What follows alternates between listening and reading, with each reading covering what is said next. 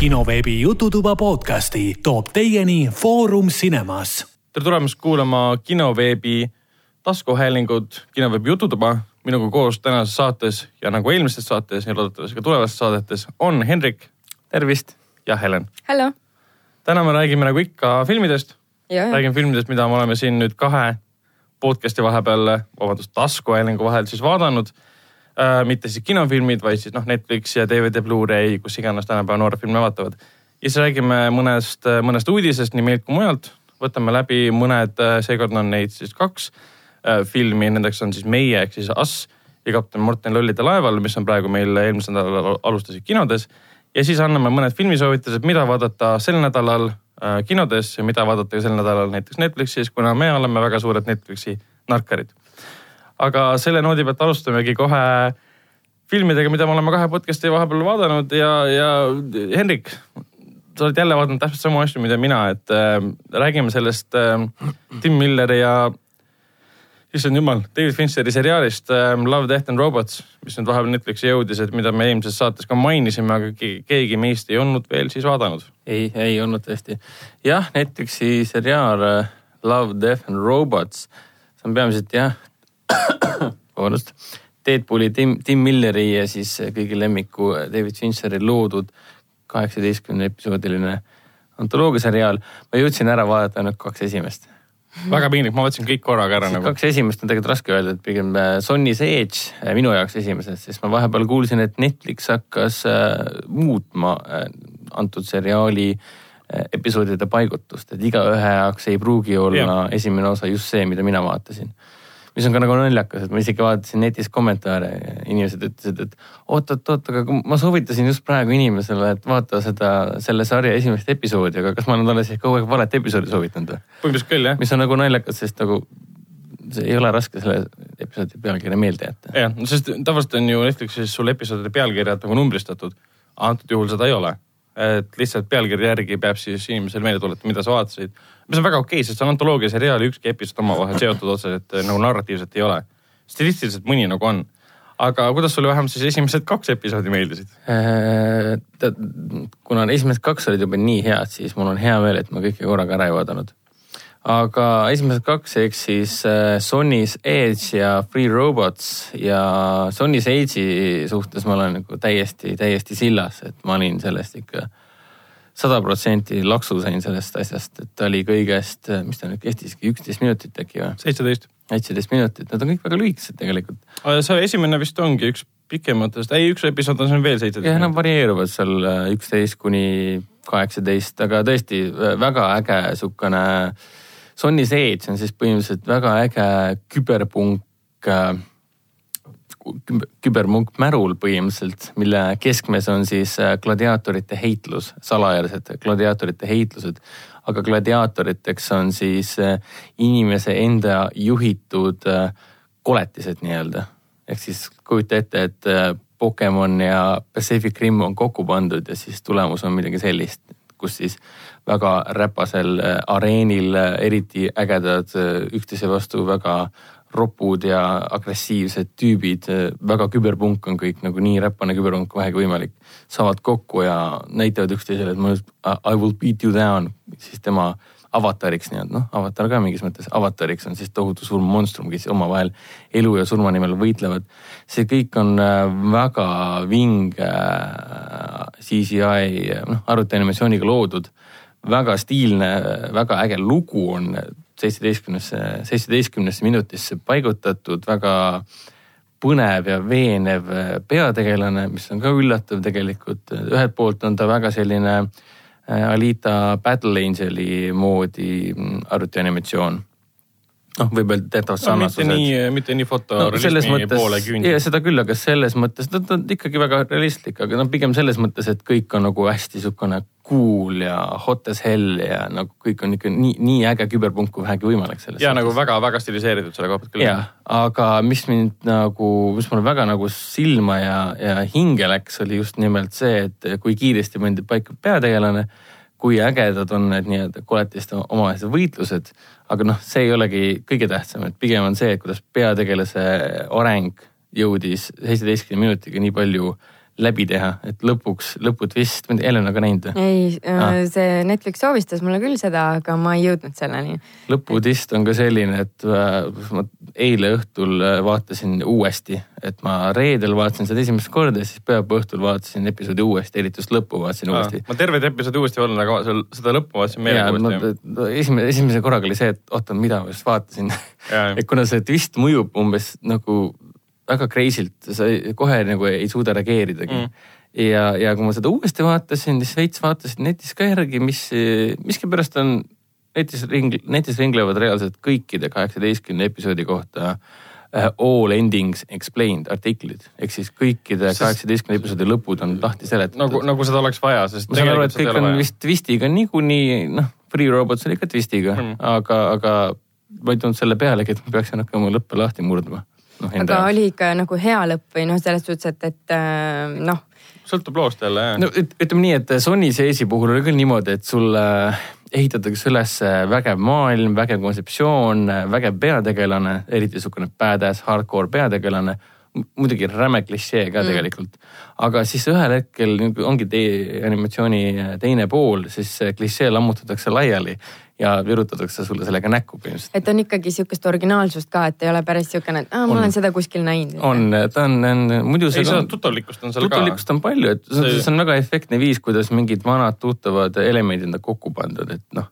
me oleme ikka näinud siin Pacific Rimme, me oleme siin näinud äh, Avatare, kus siis on väike inimene, suur robot, nii-öelda me juhime neid ja nii edasi, et siin on oskuslikult kokku pandud just need viimasel aastate jooksul, viimaste aastate jooksul tuttavaks saanud elemendid, aga ja loonud siis oma maailma. aga just lõpp on see, mis nagu peategelase peakarakteri suhtes nagu lööb pead täiesti pahviks, et, et ma tahaks sellest lõpust rääkida, aga noh, ma ei saa. mitte seekord, eks ole. et võib-olla lepime siis kokku, teeme siis verevande, et järgmiseks korraks äh, on meil kõigil kõik episoodid vaadatud ja siis teeme kogu podcast'i ja räägime nendest kaheksateistkümnest no. mina juba olen vaadanud kõik no episoodid sina ei lähe arvesse. ja ma võin öelda ja nad on, vähesed neist on loodud päris lühifilmina. sest Mhm. mm -hmm. seitsmeteist minutiga sa võid äh, korralikku lühifilmi teha, millel on korralik alus, lõpp ja, ja arendus ja kõik see. siin on ka see olemas, aga enam nad, nad mõjuvad ikkagi väga sellise, kuidas öelda, diiser ähm, kontseptsioonina. et on tunne nagu, et Jah, tuleb pigem- veel midagi pigem nagu need vahepeal tunduks ainult need kon- kontseptuaalsed äh, lühifilmid. jah, mis näevad okei. väga ägedad Mhm. välja, aga vihjavad sellele, et sa võiksid teha mingi suure filmi sellest mm. Mhm. -hmm. kuigi nende puhul on see, et nad ei mõju poolikuna. Ja kui enamjaolt need, mis internetis ringlema hakkavad, millest hiljem stuudiod kinni haaravad, et teeme filmi, need on mõjuvad hästi poolikuna okay.. lugu jääb pooleli ja asjad et katki. sulle esitatakse maailma ja siis sind jäetakse lihtsalt õhku rippuma., siin seda ei ole, siin on see, et sul tegevus toimub ära ja saad aru, et aa, see pidigi ära juhtuma. ei ole umbes niimoodi, et mm, see edasi saab, sa mõtled võib-olla jah, et tahaks edasi vaadata, aga sellest piisas ka täiesti okay.. tähendab, minu kahe episoodiga oli küll kohe tunne, et ahah, võib-olla siis kõik episoodid on sellise puendiga, sellise mm, kindla mõttega anekdoodid nii-öelda, ehk siis Jah. tuuakse mõte kiiresti koju, kas see oli nüüd animatsioon? animatsioon. kõik on animatsioonid, et kas siin on arvutianimatsioonid, siis on joonistatud animatsioonid ja siis on. erinevad ikka. jah, sellised äh, klassikalised animatsioonid ka, et kuna siin ma vaatan, et meie siis episoodide järjestus vist oli üsna sarnane, siis minul oli ka teine episood Three Robots. mis oli selline naljaga pooleks tehtud postapokalüptiline lugu, kus robotid käivad mööda hävinenud maad ringi, ei tea mitte midagi inimeste nad on, eludest, nad on nad tu- elasid. turismireisil nii-öelda. turismireisil jah. Et seal kohe alguses üks ütleb ka, et üldse ei viitsi seal olla, et kui sa oled üht, ühte postapokalüptilist linna näinud, sa oled neid kõiki näinud okei, et nad põhimõtteliselt reisivad ringi siis äh, maal ku- kuskil linnades, mis on totaalselt juba ammu tuhande aastat tagasi hävinenud. ja siis üks neist nagu jagab exp- exposition'i selle kohta, et mis seal siis kunagi, kuidas inimesed vanasti elasid. Ekspositsiooni. ekspositsiooni mm. -hmm, et siis sõid kunagi burgerid umbes sellist asja. ekspeditsiooni ikka. ekspeditsioon. aga siin äh, kõige veel lahedam osa, mis mulle väga meeldis, oli oota, see. ma tahaks enne mainida seda, et eh, Sony sees on küll selline asi, mida vist ma olen netis ka märganud. et eh, nüüd ma tahaks kohe kindlasti näha filmi.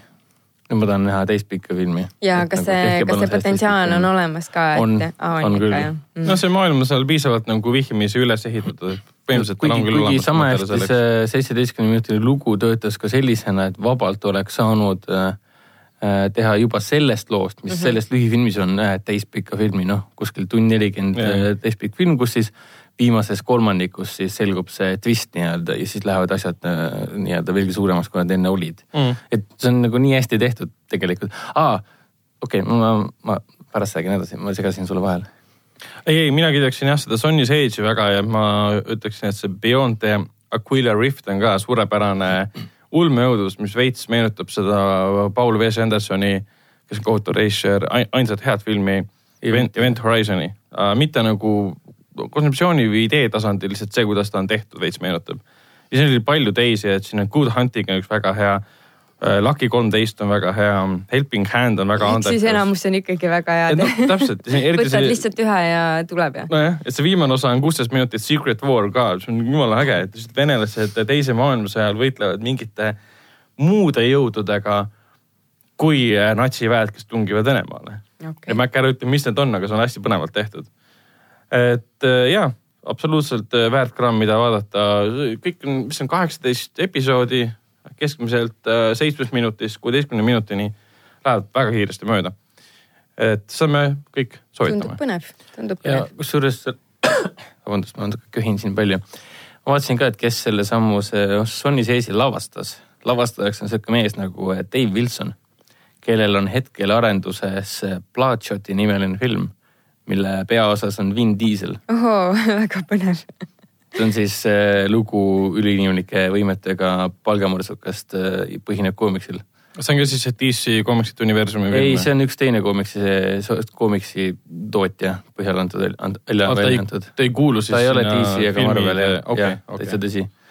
ja seesamune see nimi on nii tuttav mingile suvalisele koomikse Vin, Vin. Diesel on äh, korduvalt ja korduvalt ähm, omaenda Instagramis, sotsiaalmeedias justkui äh, jaganud pilte, videosid sellest, kuidas ta mm, vaimselt valmistub ette siis selleks rolliks. oleme uus jä- järjekordne kangelane Jah. kuskil kinoline, okei sa. praegu siis tunnistasid, et sa jälgid Vin Dieseli Instagrami. ja ma jälgin äh, Dwayne The Rock Johnsoni Instagrami ka. seda ma olen näinud. saad sealt eeskuju, et mida, mida oma eluga peale hakata.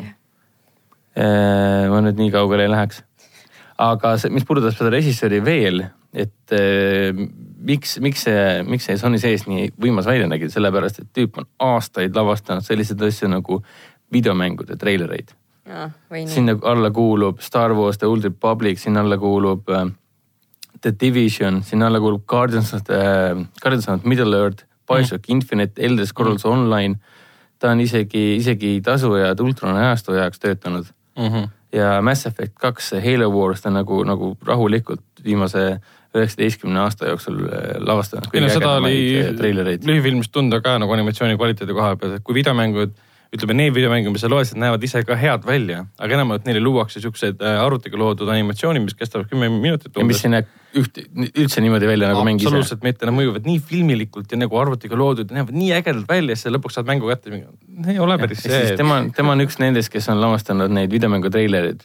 kui sa selle treileri ära vaatad, mõtled, et issand, ma nüüd tahaks seda filmi vaadata selle põhjal, seesama, ma ei taha seda mängu mängida, ma tahaks näha seda treileri ei no edasiarendust kui seda Elder Scrolls Online'i, kus hakkas välja tulema, need esimesed äh, videod tulid välja sellest äh, reklaamvideost, siis on vapustav lihtsalt, kuidas võib CGI animatsiooniga luua kes-, noh, fantaasia keskaegset sellist sugemetega võitluseid ja, ja kindluste piiramisi ja nii edasi. et see on tõesti väga äge. selge. nii, aga Helen, Helen räägib meile vahenduseks, mida teeb äh, Amy Schumer, ma saan aru, et ta kasvab. ta kasvab kõvasti. Amy Schumer äh, on Netflixis oma uue stand-up'iga, selle nimi on Growing. Ja ta räägib seal oma rasedusest, oma abikaasast, oma elust, oma sõpradest. Ja ta teeb päris kõvasti nalja, et minule on meeldinud ka tema need eelnevad stand-up, stand-up'id, võib-olla mitte nii väga, aga tema sari, mis tal oli, see oli küll väga naljakas. Ja see see stand, see uus stand-up äh, on ka niisugune ülimalt meelelahutuslik ja ta rebib ikka kõvasid kilde ja ta natukene äh, mõnitab ja naljatab ka seal USA nende teemade üle, mis, äh, mis. sellest ilmselt sa ükski USA selline stand-up komik nagu üle ei ümber ja. et see, see, see lihtsalt annab nii palju ainest, millest rääkida ja mille üle nalja teha ja siis ta Aga räägib ka sellest, kuidas teda arreteeriti ja ta tegi nalja selle üle. Ta oli siis veel rase juba siis ja, ja vot ma tõesti naersin, ma tõesti naersin ja mõtlesin, nii hea kas lihtsalt. sa oskad mõne näite tuua äh, mõnest naljast, mina olen tema stand-up'i väga vähe vaadanud, peaaegu et üldse mitte. Ei oska niimoodi välja tuua jah, aga see, ta tegi Trumpi üle ka nalja ja see oli, see oli ikka päris. no selle see on üle,, see on alati ja, naljakas. ja, nii et noh, siuksed teravad killud olid, ütleme niimoodi, ta on stand-up'i ajal ka rase, eks. ja, ja Jaa, ikka jaa. ta Aa, praegu nii. ongi rase ju, see on just okei. just hiljuti filmitud palju tal siis minna on veel? ma tõesti ei oska öelda, sa pead seda Google'ist küsima. aga Oih. jah, see on üks, üks soovitus, mis ma Netflixist leidsin, mis oli meelelahutuslik ja üks imelik soovitus ka, mida ma nägin ETV pealt. oi jumal, hakkab peale, nii. riigimehed, okei, see on ju väga hea. see on täitsa okei. See oli nii naljakas, see läheb, ma ei mäleta, mis aastal see esimene episood tehti, aga see läheb nii hästi kokku praeguse selle idiootsuse poliitikaga, mis meil siin toimub kus eh, kõik ütlevad, et ei, me ei valeta, me nüüd teeme siukse erakonna, kus me üldse ei valeta ja siis põhimõtteliselt esimene lause, mis avalikkuse ees eh, suust välja tuleb, on mingi ja, täielik jama. kaks tuhat kümme algas. No näed ja me oleme jälle alguses tagasi ma vaatasin ka seda omal ajal palju ja ausalt öeldes äh, David Teplenkov on Jaa. äh, puhas kuld. ja on küll jah, tõesti. Jaak Prints ka muidugi. aga palju seal episoodi kokku tuli üldse? seal ikka päris mitu hooaega oli, ma isegi olen nad ühel hetkel vist ka kõik ära vaadanud, aga praegu ta uuesti tuli mingi õhtu ETV pealt, jäi silma, vaatasin, hoo ja siis vaatasin isegi mitu episoodi järjest ja ikka tead hirnu, no hirm läks. IMDB näitab, et kaks hooaega lausa. no vot, teine oli siis kaks tuhat kolmteist. praegu oleks isegi päris sobilik teha mingisugune life after nagu, kus siis. elu pärast, nagu klass elu pärast, riigimehed elu pärast. riigimehed, mitte midagi ei ole muutunud, ainult aastaarv. no ma, ma, ma arvan, et ETV teeb väga teadlikult selle otsuse, et lasevad seda, no siiamaani, et Võib-olla kogu aeg eetris olnud. ja muidugi, see on äh, seal netis neil kuskil oma keskkonnas olemas, kus No seda vaadata saab. Et siis praegu on täpselt selline, kuidas nüüd öelda, kasvuaeg, kus on see väga sobilik äh, aeg lihtsalt äh, vaadata, kuidas keegi teeb nalja poliitika praegu. nagu ja pluss meie Eesti oma Netflix on ju ERR-i no arhiiv, no et täpselt, kõik seal on, igasuguseid asju. et äh, tas, kellel nagu, hea, et sa mainisid seda, Helen, ma nüüd võtangi selle uuesti ette, et Yes. yes. ega ma palju enam ei mäleta nendes viimastes episoodides, kas ma üldse seda Võib-olla ei olegi 13 aastat näinud, näinud olen, aga Ja, ja. esimesi kindlasti vaatasin ja täiega nautisin. ma olin, siis veel noor ka, et ma väga imestusin ja üllatusin. üheksa aastat tagasi olid noor? I vedas, was young. mm..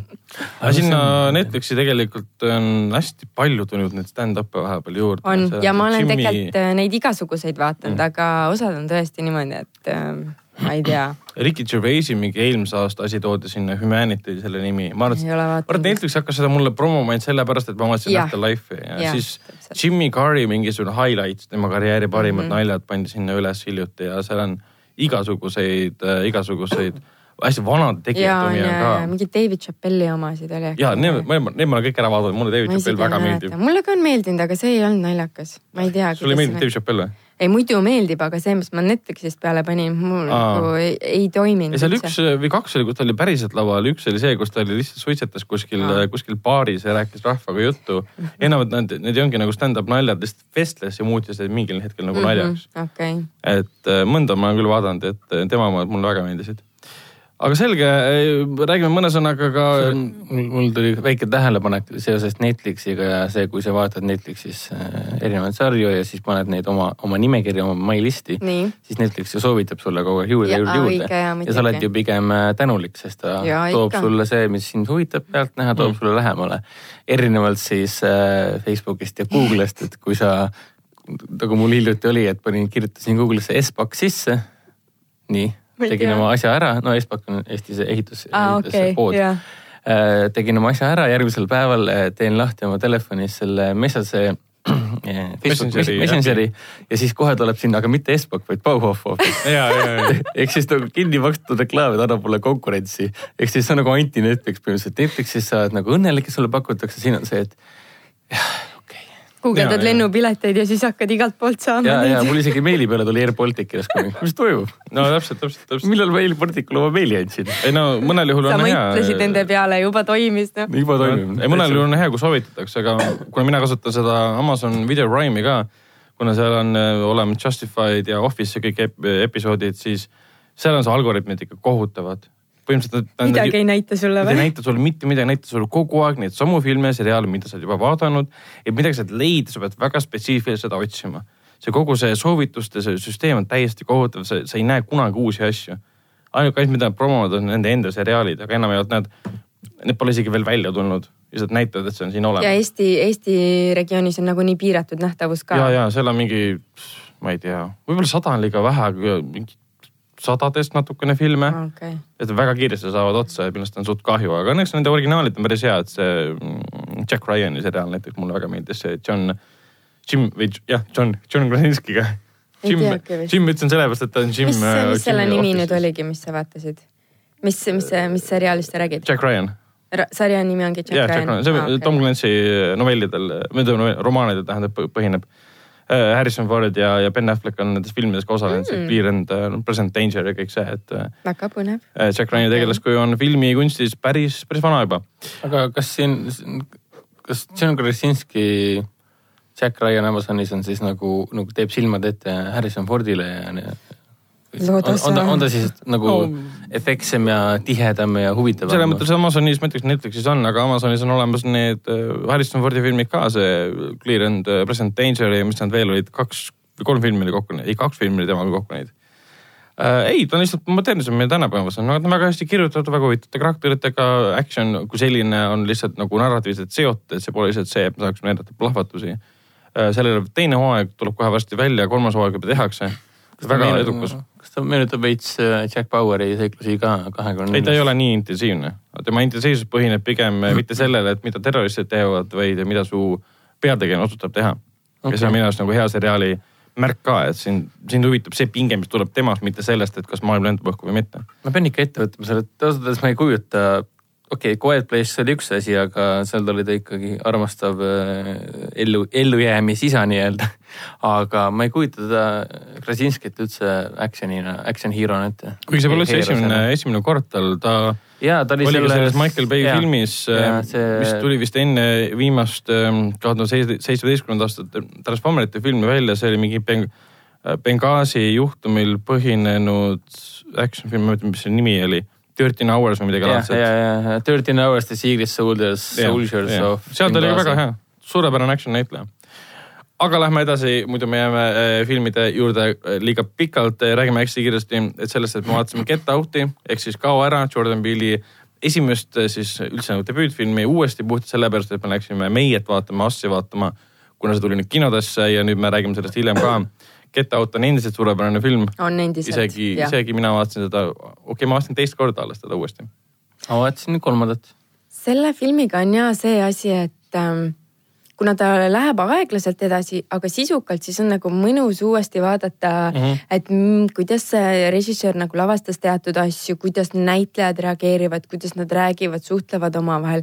niisugune mõnus vibe ja noh, muidugi sa tead, kuhu see asi jõuab, aga nüüd sa saad aeglaselt vaadata, et kuidas ja mis mm. on tehtud, et selle sihukese vinge püendini jõuda. absoluutselt jah.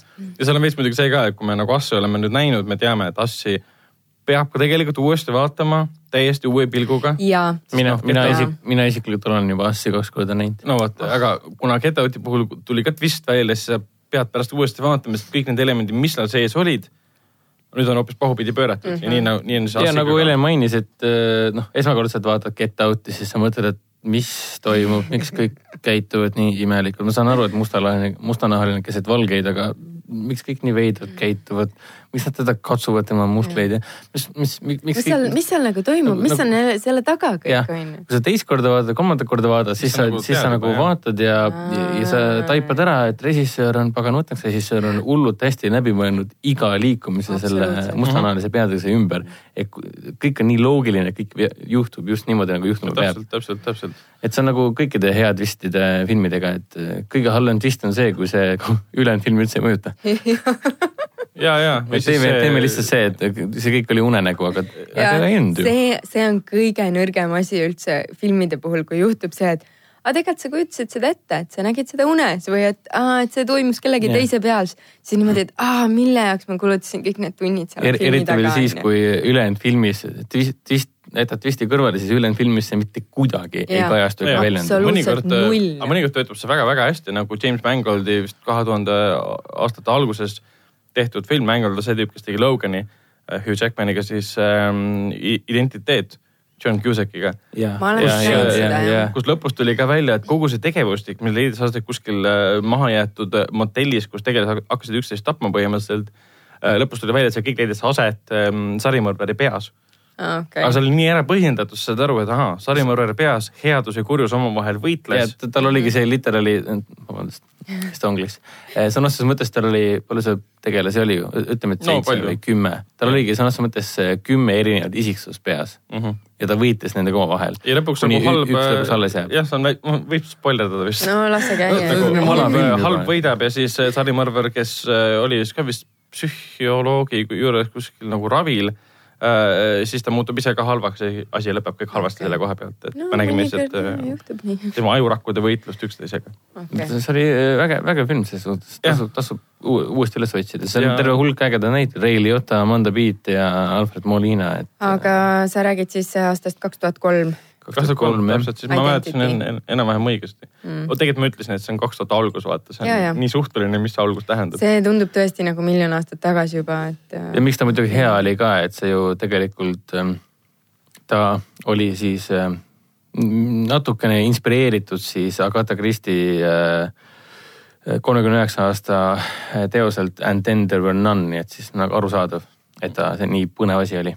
okei, vot ähm, Get Outist äh, ja selle sarnasusest Assiga me räägime natuke hiljem, aga vahepeal oli, vahepeal oli kahekümne neljas märts. aga kahekümne neljandal märtsil aastal tuhat üheksasada üheksakümmend üheksa linastus ähm,, linastus Matrix, esimene Matrix. juhuu, ära Eesti, ära ütle, et sa selle tähtsa päeva puhul vaatasid filmi uuesti.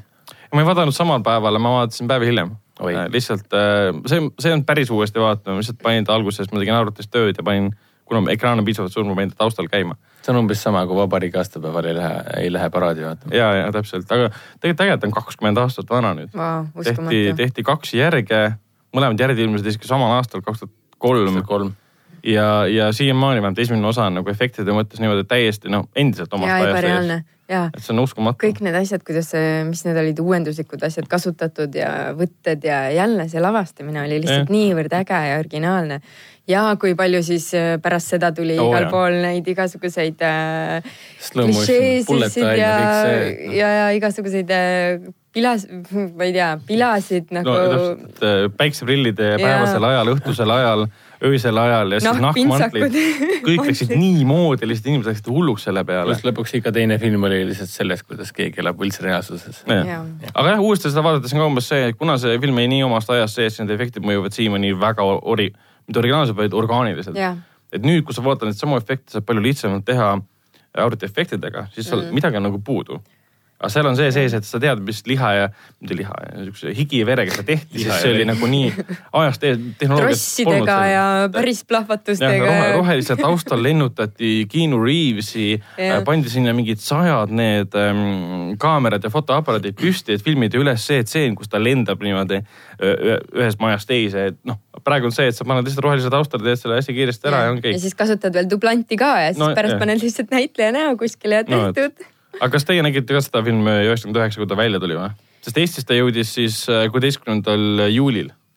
ma ei mäleta hästi, aga tõenäoliselt küll kinos, sest teise osaga oli mul sihuke tore lugu, et äh, oli PÖFFi aeg, kui tuli teine osa välja või oli see kolmas, kolmas äkki Mm -hmm. ühesõnaga, ma läksin kinno enda arust äh, väga tiipi PÖFFi filmi vaatama.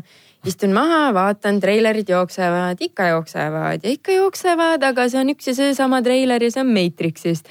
ja siis me saime ühel hetkel aru, et okei okay,, et see ei ole enam treiler, see ongi Matrix, mitte PÖFFi film Wow. ja siis nagu, et okei okay,, noh, ei julge nagu ära ka minna, vaata ja teine film oli tõenäoliselt juba poole peal selleks ajaks, et äh, siis me mõtlesimegi, et okei okay.. see oli siis kolmas osa ju. ma ei mäleta, aga üks kui ta oli nendest. äh, PÖFFi ajal, siis see oli kolmas jah. ma kahtlustan ka, et viiendal jah, täpselt, et. äh, see võis see aeg olla, aga see oli nagu väga tore kogemus ja siis äh, kõike seda näha kinoekraanilt, no mis aasta see oligi, kaks tuhat kaks tuhat kolm. kaks tuhat kolm, et noh, et äh, see oli ikka väga suur kogemus, sest noh, enamus olidki mingid draamad ja võib-olla mingi animatsioon on Mm. ju, mida, et nagu nii suuri filme, noh midagi ikka oli, aga, aga just see film jäi nagu nii hästi meelde, sest need masinad, kõik ja need hääled ja helid ja kõik see. sa vaatasid seda siis Tallinnas? ei, see oli Tartu kinos äh,, ekraan oli Ekraan. ja Plaza oli siis juba olemas, eks? ei olnud, ei olnud, ei olnud kaks. tuhat kolm oli küll.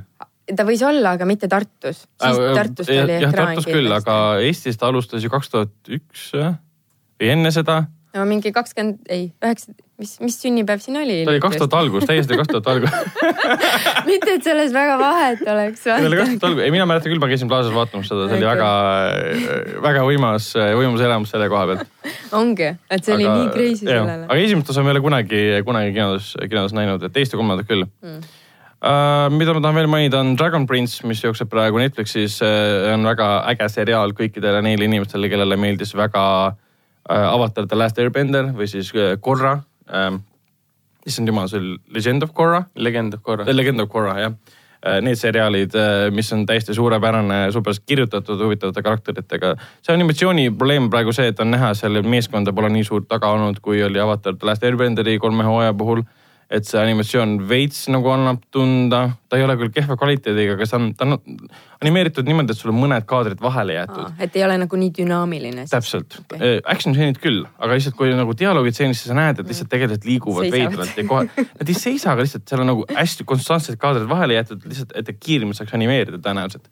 ja veits nagu häirib, aga muidu on väga hästi tehtud ja kui, kui meeldivad äh, Avatar Last Airbenderist sündinud seriaalid ja see seriaal ise. ma ei ole ühtegi neist vaadanud.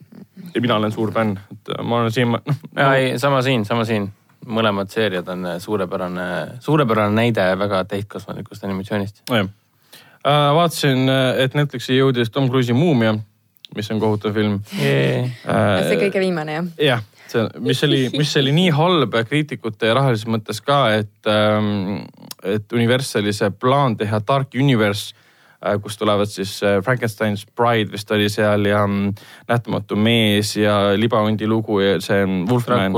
Dracula. Kõik pidid sisse tulema, tehti isegi pilt ka, kus oli Javier Bardem ja kes pidi mängima, kui ma ei eksi nüüd seda mm, Libahunti siis. Seda oleks tahtnud näha küll, jah. ja Johnny Depp pidi mängima siis Nähtamatut meest pilt lasti ka välja, film jõudis välja, aga film kukkus niimoodi läbi, et põhimõtteliselt Universal loobus sellest plaanist täielikult.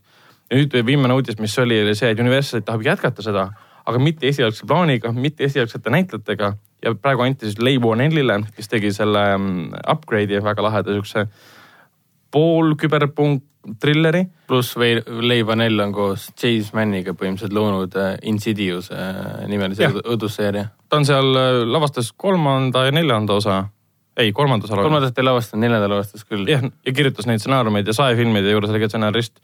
Et temale anti siis, usaldati üle, Johnny Depp ei naasta sinna rolli. ja Tom Cruise jääb ka tööst ilma jah? Tom Cruise ilmselt ka mitte jah, et see oli no nagu väga töötuks, ta ei jää, et noh. see oli väga nagu hämmastav vaadata, kui kindel oli üks suur stuudio selles, et sellest sündib nüüd frantsiis. aga kui esimene film kukub kinodes läbi, siis kogu see frantsiis, mis plaanid olid, stsenaariumid olid kirjutatud, arendatud, täiesti pandi kappi no ilmselgelt, sest see Mammi ju, me vaatasime seda kinos ja see oli tõesti nagu nii igav, kõik asjad, mis seal olid, olid nii ära kasutatud, et see, et neil oli palju eriefekte ja mm. see Sofia Botella, ta nägi väga kihvt välja iseenesest. et noh, et nemad ei kandnud üksinda enam seda piisavalt välja, et see lugu lihtsalt oli nagu pläust, ma mäletan, kõik oli ümberringi hall. Ja ja siis see oli konstantselt hall film. ja ma, ma isegi ei mäleta seda, et kas seal nagu mingi point oli lõpuks, et mis see No lõpuks oli kättemaks see, oli või see oli ka mingi täiesti mõttetu. Cruise'i tegelaskuju muutus lõpus siis selleks ähm, mingiks kolliks ise jah. setiks nii-öelda, see Egiptuse jumalaks, keda siis äh, Botello tegelaskuju ehk siis see vana muumia, kes üles ärkas, üritas uuesti ellu äratada mm. Mhm. -hmm. et siis see, see Tom Cruise'i tegelaskuju muutus selleks, tappis selle mm, üles ärganud muumia ära ja siis ta nagu põgenes ära äh, maailma eest. et see nagu andis siis aluse järjele, et näed aa, et nüüd tuleb veel väga Aga noh, sellest ei ja saa õigus jah, ta lõpus muutus ju ebaübanaks põhimõtteliselt. Aa ja siis ta kõndis seal kuskil inimeste seas ka või? ei olnud või? minu meelest ta jooksis seal kõrbes ringi ja nägu oli kinni kaetud. yeah.. ehk siis ta nägi välja nagu see vana, vana mustvalge muumia. see oli, noh, filmi suurim probleem oli see, et ta ei suutnud otsustada, kas ta tahab olla Tom Cruise'i film või muumia film. jaa. et action stseenid vih- vihjasid, et see on nagu Tom Cruise'i film, aga kõik muu vihjas sellele, et see ei ole üh, ühte ega teist, et äh, ta ei olnud õudne piisavalt, ta ei olnud naljakas piisavalt, ta ei olnud põnev piisavalt, et et ühesõnaga, see on see filmi soovitus, et kui te tahate oma aega raisata, et siis vaadake Tom Cruise'i seal kuskil. vot, aga, aga, aga rääkides asjadest, mida vaadata äh, teist korda üle, siis äh, vabandan kuulajate ees, aga Insidious kolme lavastan jah, Leivanel Jah.. neljandat ta ei lavastanud. okei okay,, vaata, vot. see jäi mind vaevama. aga kui, kui mõtlete Tom Cruise'i muumia vaatamise peale Netflixis, siis vaadake hoopis Brendan Fraseri esimest kahte muumiafilmi, kolmandat me enam ei soovita, see ei olnud eriti hea. Aga esimesed kaks muumifilmi üheksakümne üheksanda aasta, issand, see oli samal aastal tuli välja kui äh, Matrix äh, The Mummy ja siis teine osa, mis tuli kaks tuhat üks, kui ma ei eksi, The Mummy Returns. mõlemad on suurepärased, väga naljakad, seal on see minu arust ideaalne tasakaal saavutatud hirmsa ja seiklusliku ja humoorika vahel, ilma et üks äh, mu- muutuks nagu teist lavastavaks. kas me juba jagame filmisoovitusi, mul oleks ka paar tükki muidu. või teeme seda Äh, teeme, teeme seda ikka pärast, aga sellega meil said vist äh, ka filmid läbi, jah, mida olen vahepeal vaadanud ja lähme edasi uudiste juurde. jah, aga filmi me soovitame kohe pärast uudiseid. Lähme edasi uudiste juurde ja kuna me juba Matrixist oleme rääkinud, siis Matrixiga me ka jätkame. üks hea uudis on kõikidele HÖFFi ehk siis Haapsalu fantaasia ja õudusfilmide festivalile, festivali fännidele, sest just sellel festivalil aprilli lõpus, kahekümne kuuendal, ei kahekümne viiendal aprillil see algab, saab näha esimest Matrixit tasuta täpselt nii, nagu me mainisime, siis Matrix tähistab oma kahekümnendat sünnipäeva ja Haapsalu õudus- ja fantaasiafilmide festival otsustas koos USA saatkonnaga, et on hea, hullult hea mõte korraldada üks tasuta seanss. nii et äh, kõik see mees viiendal aprillil tulevad piletid müüki. jah, siis Jah. selgub, et mis saalis see täpsemalt toimub, ma loodan, et see on suur saal. et festival ise toimub kakskümmend viis kuni kakskümmend kaheksa aprill, nii et kõik see mees ja naine ja lapsed kõik kammaluga. Kas me, me, kas me kõik lähme HÖFFile? ja me kõik lähme kõik Õhvile oleme. HÖFFil ka ja pärast me saame siis, kuna see toimub nädala lõpus, siis ja ja sealt järgmise nädala alguses me saame rääkida oma HÖFFi muljetest. täpselt. nii, et Hõhvi, Hõhvi eri, eri, eri podcast ja ausalt öeldes ma ei mäletagi, millal ma viimati ei käinud Hõhvil.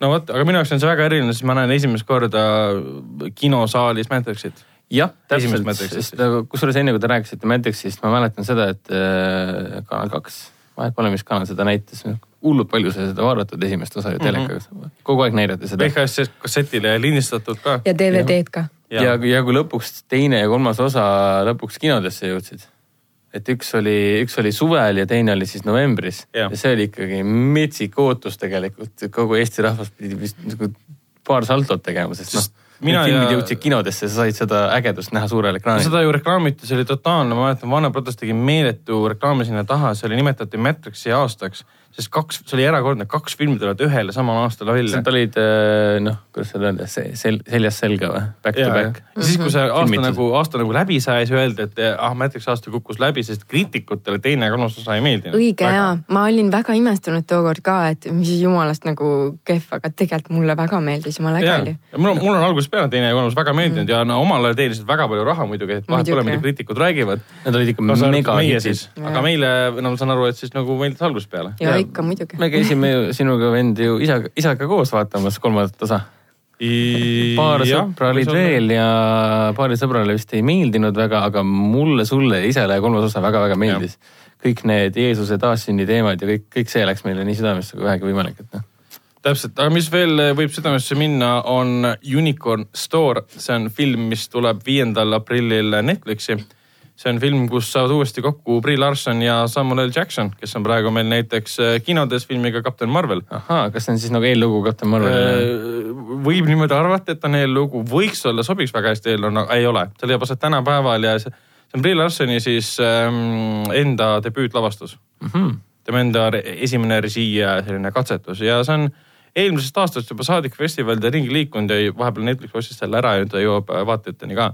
Tundub niisugune tore, täiesti tavapärane selline coming of age lugu, kus üks noor neiu, kes ei oska täiskasvanu olla, vaikselt selleks saab, ilma et ta peaks oma unistusest loobuma ma vaatasin treilerit jah, et see Samuel L Jackson nägi seal väga, väga Samuel L Jackson välja. lihtsalt natukene klounilikum ja fantaasia rohkem kui tavaliselt. rohkem parukaid. Ja kogu selle loo point paistab olevat selles, et üks Samuel L Jackson pöördub siis Bill Lassoni poole, kellel on elus häda käes, et, et ma toon sulle üks särviku okei see mu- ja, päästab kõik sinu probleemid. ja mulle sobiks ka see, mida kiiremini, seda paremini, palun. mis sa teed sellega? No Temaga. sõidad eh, külmal Eesti talve ringi või? ei, ma sõidan mööda Vikerkaart ratsutad ja tähendab. rat- ratsutan mööda Vikerkaart ja vaatan siis, kus see kullapada maetud on, mida mul oleks vaja võib-olla äkki pean. sulle kahjuks ütlema, et Vikerkaar ei ole. unicornidega se- seotud. ei, seal lõpus ei ole mingisugust härjapõllast ja tema varandust, et see on lihtsalt. see, selle asja nimi oli äh, Leprechaun, üks, kaks, kolm, neli, viis, kuus, seitse. Neid vahepeal tuli isegi juurde, seitse on kindlasti mul vaadatud ja kas see kaheksas nüüd oli see, mis oli ka mingisuguse äh, striimingu Sellel- platvormi toodetud, mida me vaatasime. ja see oli kusjuures päris okei okay. vahepealsed need olid siuksed natukene kahtlased mõned. seal üks aga oli ju Leprechaun in the Hood. In the Hood ja In the Space In ja Space, jaa, jaa, jaa. kõik need asjad tulid ära. mõned olid tõesti üliüliägedad, need leprikornid, nii et. sellel tuli jah ähm, eelmisel aastal täitsa detsembrist äh, USA-st streaming, streaming device kas see oli sci-fi või keegi, ma ei mäleta, kes seda tootis, aga ta oli kuskil imelikus kohas, et ega ta kinos tõenäoliselt ei olnudki ei, ta tuli otse streaming usse. ja ta lõppes niimoodi ka, et sealt tõenäoliselt tuleb veel paar osa juurde, nii et no kui juba seitse või kaheksa osa on tehtud, siis ma arvan, et see, neil pole enam probleemi lüpsta. jah, ma just tahtsin öelda, et seda annab täiega lüpsta, sest seal on see kullapada ja need mündid mõnikord kaovad täitsa kuskile ära ja neid on ju vaja alati otsida tagasi sellel äh, leprikoonil. härjapõlvesele. Härjapõlvesele. kasutame ikka eesti, eesti keelt selle koha meil ei ole eestikeelset filmi pealkirja lihtsalt selle. uh,. ei ole jah, aga millel on väga hea eestikeelne pealkiri on Visa, see Die Hard. Yes! eestikeelne pealkiri on Visahing. Visa, Visahing. mis, mis oli kunagi veel Die Hard eestikeelne pealkiri? kes seda mäletab, see oli üks äh, põnev ja väga-väga imelik pakkumine. sa mäletad, Helena? ma ei mäleta, aga ma rääkisin sellest hiljuti. praegu, praegu ei tule, ma äh, korraldasin ühte filmi mälumängu, kus ma kasutasin samu pealkirju, pealkirja variante, et valige see õige. Sa ei mäleta või? kõva pähkel vist oli üks variant või midagi laadset. ja, või, või surevisalt seda päris ei olnud, aga midagi väga kahtlast oli küll. aga miks me Visahingis räägime, sellepärast et äh, tuleb välja lauamäng nimega Die Hard äh, Nakat- The Nakatomi Heist. ja mis on nagu väga Hendrik- tore. Hendrik nii ja mis ma teha saan sellega siis? põhimõtteliselt on nagu tavapärane lauamäng, kus siis äh, taas luuakse esimese osa sündmused, lihtsalt nüüd äh, ei, ei pea ähm, detsembris ainult vaatama filmi mm. Mhm. nüüd saab jaanipäeval mängida lauamängu. jah äh,, noh, miks miks jaanipäeval? no siis on ka nagu täht, tähtis päev nagu jõuludki vaata. No okei okay, jah, aastaringselt võib tegelikult seda lauamängu mängida, aga see on põhimõtteliselt äh, üks versus äh, kaks kuni neli mängijat äh, kuskil kuuskümmend kuni üheksakümmend minutit äh, võtab aega selle läbitegemiseks ja siis äh, teised mängijad mängivad siis ühe inimese vastu Mhm. Ahah. ja püüavad teda kätte saada. aa, et kõik teised mängijad on siis terroristid versus üks, kes on siis John McClane täpselt,. täpselt nagu filmis selles suhtes, päris andekas tegelikult. et see on äh, väga kihvt ja ma ootan väga, millal see lõpuks peaks äh, välja tulema, et peaks tulema siis kaks tuhat üheksateist teisel, teisel äkki poolaastal Mhm. selge, ikkagi jõuludeks saame siis meie siin uue et mängu. mina tellin selle kohe ära ja kutsun teid kõiki endale külla, et saaks Yes. seda mängida. saame jõulude ajal siis äh, klassikalist jõulufilmi Jah. Visahing vaadata ja mängida Samal ajal- klassikalist äh, lauamängu Jah. Visahing. aga Selge. rääkides klassikalistest asjadest, siis äh, Pokemonid on asjad. Pokemonid on, Pokemonid on teema, sest kümnendast maist jõuab ka Eesti kinodesse selline väga tore film, mille peaosas on Ryan Reynolds. see on Pokemon äh, Detective Pikachu ehk siis Pokemon Detective Pikachu. miks me sellest räägime, on sellepärast, et lisaks sellele, et Ryan Reynolds teeb seal äh, Pikachu äh, ta on hääl, häälnäitleja. häälnäitleja Pikachule, kes siis ütleb midagi, kõik, kõike muud kui ainult pika-pika. muidu ta Pikachu ütlebki pika-pika, Pikachu. ausalt öeldes, mida rohkem neid äh, treilereid sellest filmist vaatan, see kõlab mulle umbes niimoodi, et äh, tema hääl on täpselt nii nagu Deadpoolis. ainult, et ta ei ropenda. Ja ei, mul oli. tema hääl on täpselt see, et sa ootad, et tuleb see roppus välja, mis on Deadpooli mul oli sama asi, kui ma esimest treilerit vaatasin, et millal, millal nüüd see Deadpool ropendama hakkab, et äh, aga see vist ei ole ikka selline film.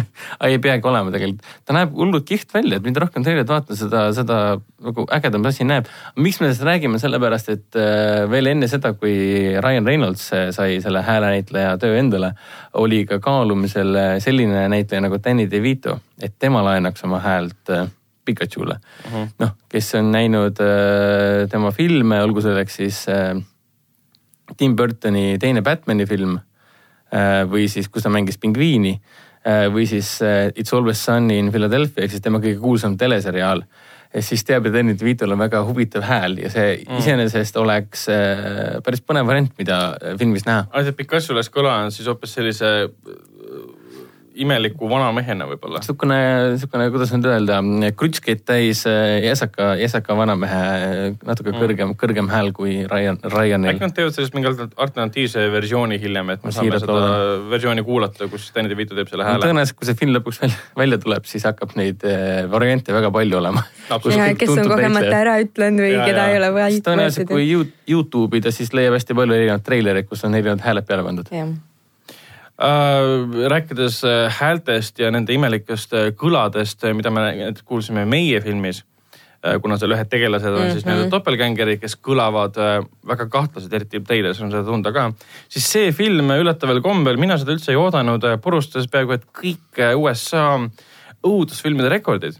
Nende hulka kuulusid näiteks siis see, et see on pärast siis Quiet Place'i siis Kena vaikne kohake just kõige edukama avanädalavahetuse avanguga originaalne õudusfilm üldse see on siis USA-s ülemaailmselt. see on USA-s, ainult okay. USA-s ja lisaks on ta siis kõige parema avanguga, ta on kolmandal kohal siis kõige parema avanguga R-reitinguga filmide hulgas. ta on siis ähm,, äh, ületas siis ähm, selle Seth MacFarlane'i äh, filmi Teed ähm, rekordi. see on väga Ehk äge päris kaks väga head rekordit, esiteks sul on äh, kõigi aegade edukama avanguga mm, originaalne õudusfilm, pluss ta on kolmandal kohal kõige edukam R-reitinguga õudusfilm. see on väga uhke on originaalne ja verine.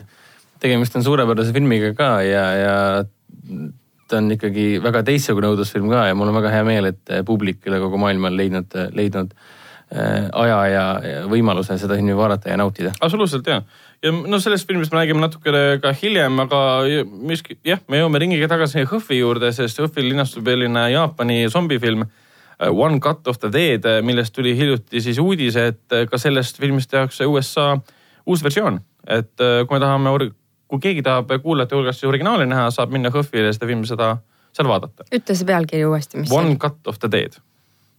see on hästi kummalise sisuga, et seal on, on siis zombifilmi võtted, mida siis ründavad zombid. ma saan niimoodi aru?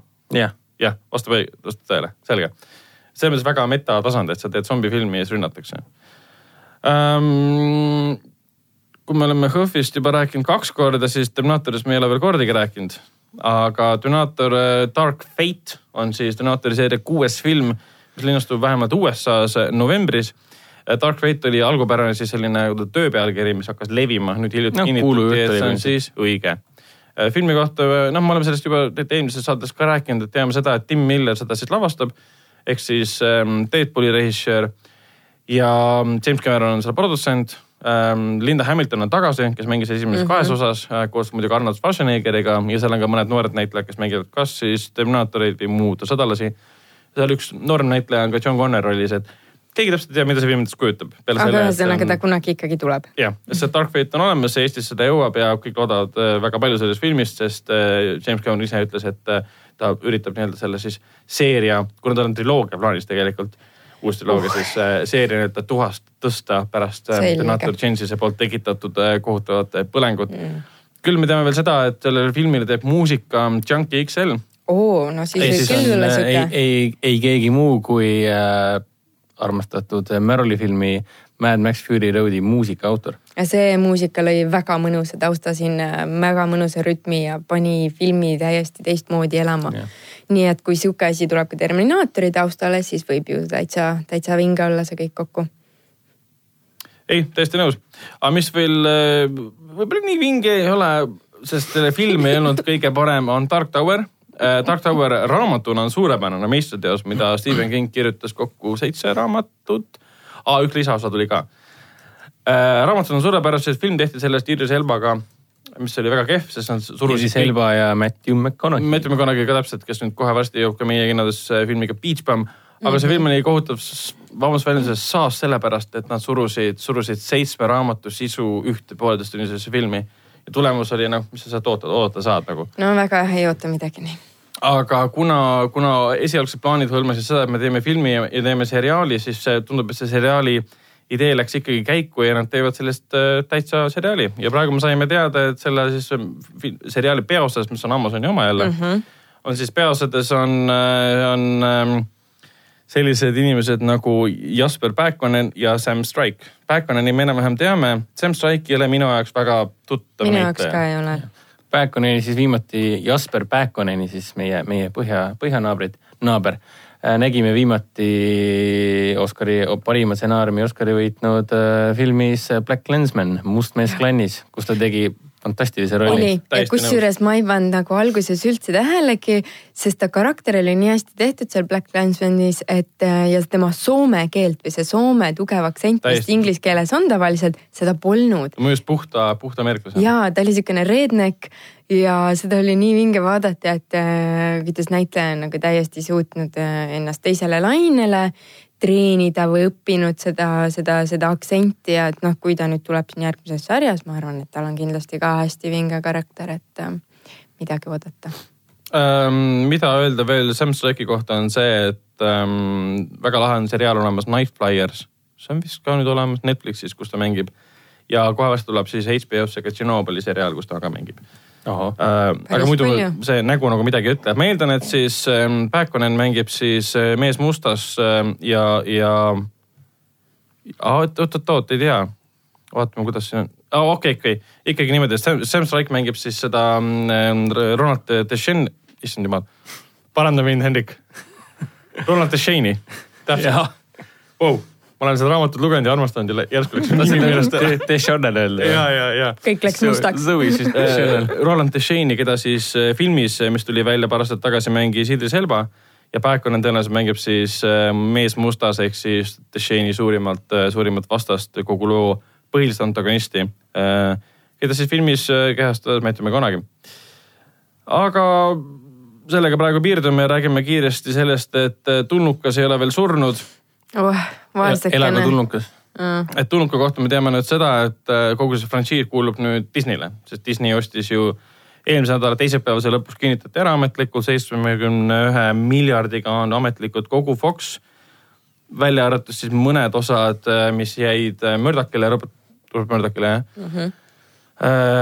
ja kuulub siis Disneyle, sinna hulka kuuluvad siis ka muidugi Predatori filmid ja tulnuka filmid et pikka aega on räägitud siin sellest, et mis on saanud siis tulnukas Covenanti järjest Nonii, küll on räägitud sellest, et ähm, äh, Fox hakkas kartma pärast Covenanti sellist ebaedu, kuigi ta teenis raha päris korralikult, aga kriitikutele ei meeldinud. ja sest ta ei tundunud siukene eriline või teistest eristuv kuidagi, noh, võib-olla ainult minu arvamus, aga ta oli nagu okei okay,, no täpselt. aga ta lihtsalt nagu, sihuke tunne, et Ridley Scott lihtsalt kordas ennast, et jälle lähevad mingid tüübid kuskile planeedile, kus nad kohtuvad koletistega ja siis üle, see oli esimene pool filmist mm -hmm. ja teine pool filmist oli väga huvitav, kus siis Michael Fassbenderi tegelaskuju David hakkas siis jumalat mängima ja saime teada, kuidas tulnukad sündisid. kogu film oleks võinud olla sellest, sellest psühholoogilisest mm. mängust ja eh, see, mis, mis, mis tunne on olla jumal, et sa lood midagi, aga ei, pool filmi pidi olema ikka tulnuka, tulnuka koopia. ja kui Et- kõik hästi läheb, siis me näeme, mis juhtub äh, Michael Fassbenderi, Davidi tegelasega edaspidi. jah, sest see lõppes ju niimoodi, et uhuhuu. kõik jäeti õhku seisma nii-öelda ja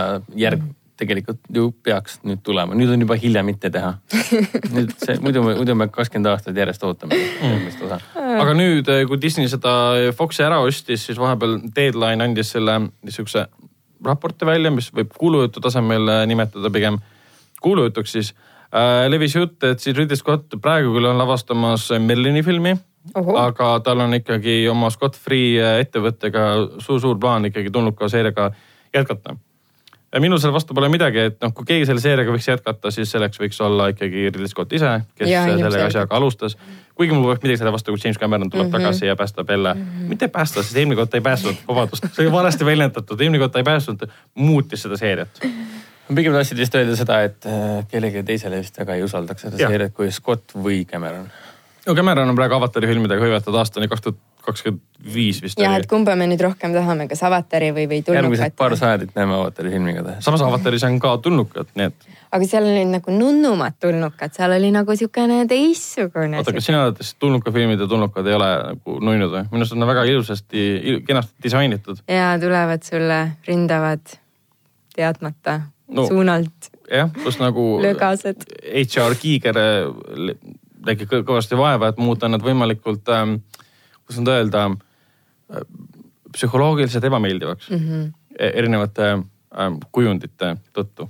jah, aga mis kindlasti ei ole psühholoogiliselt ebameeldiv, on äh, Dora.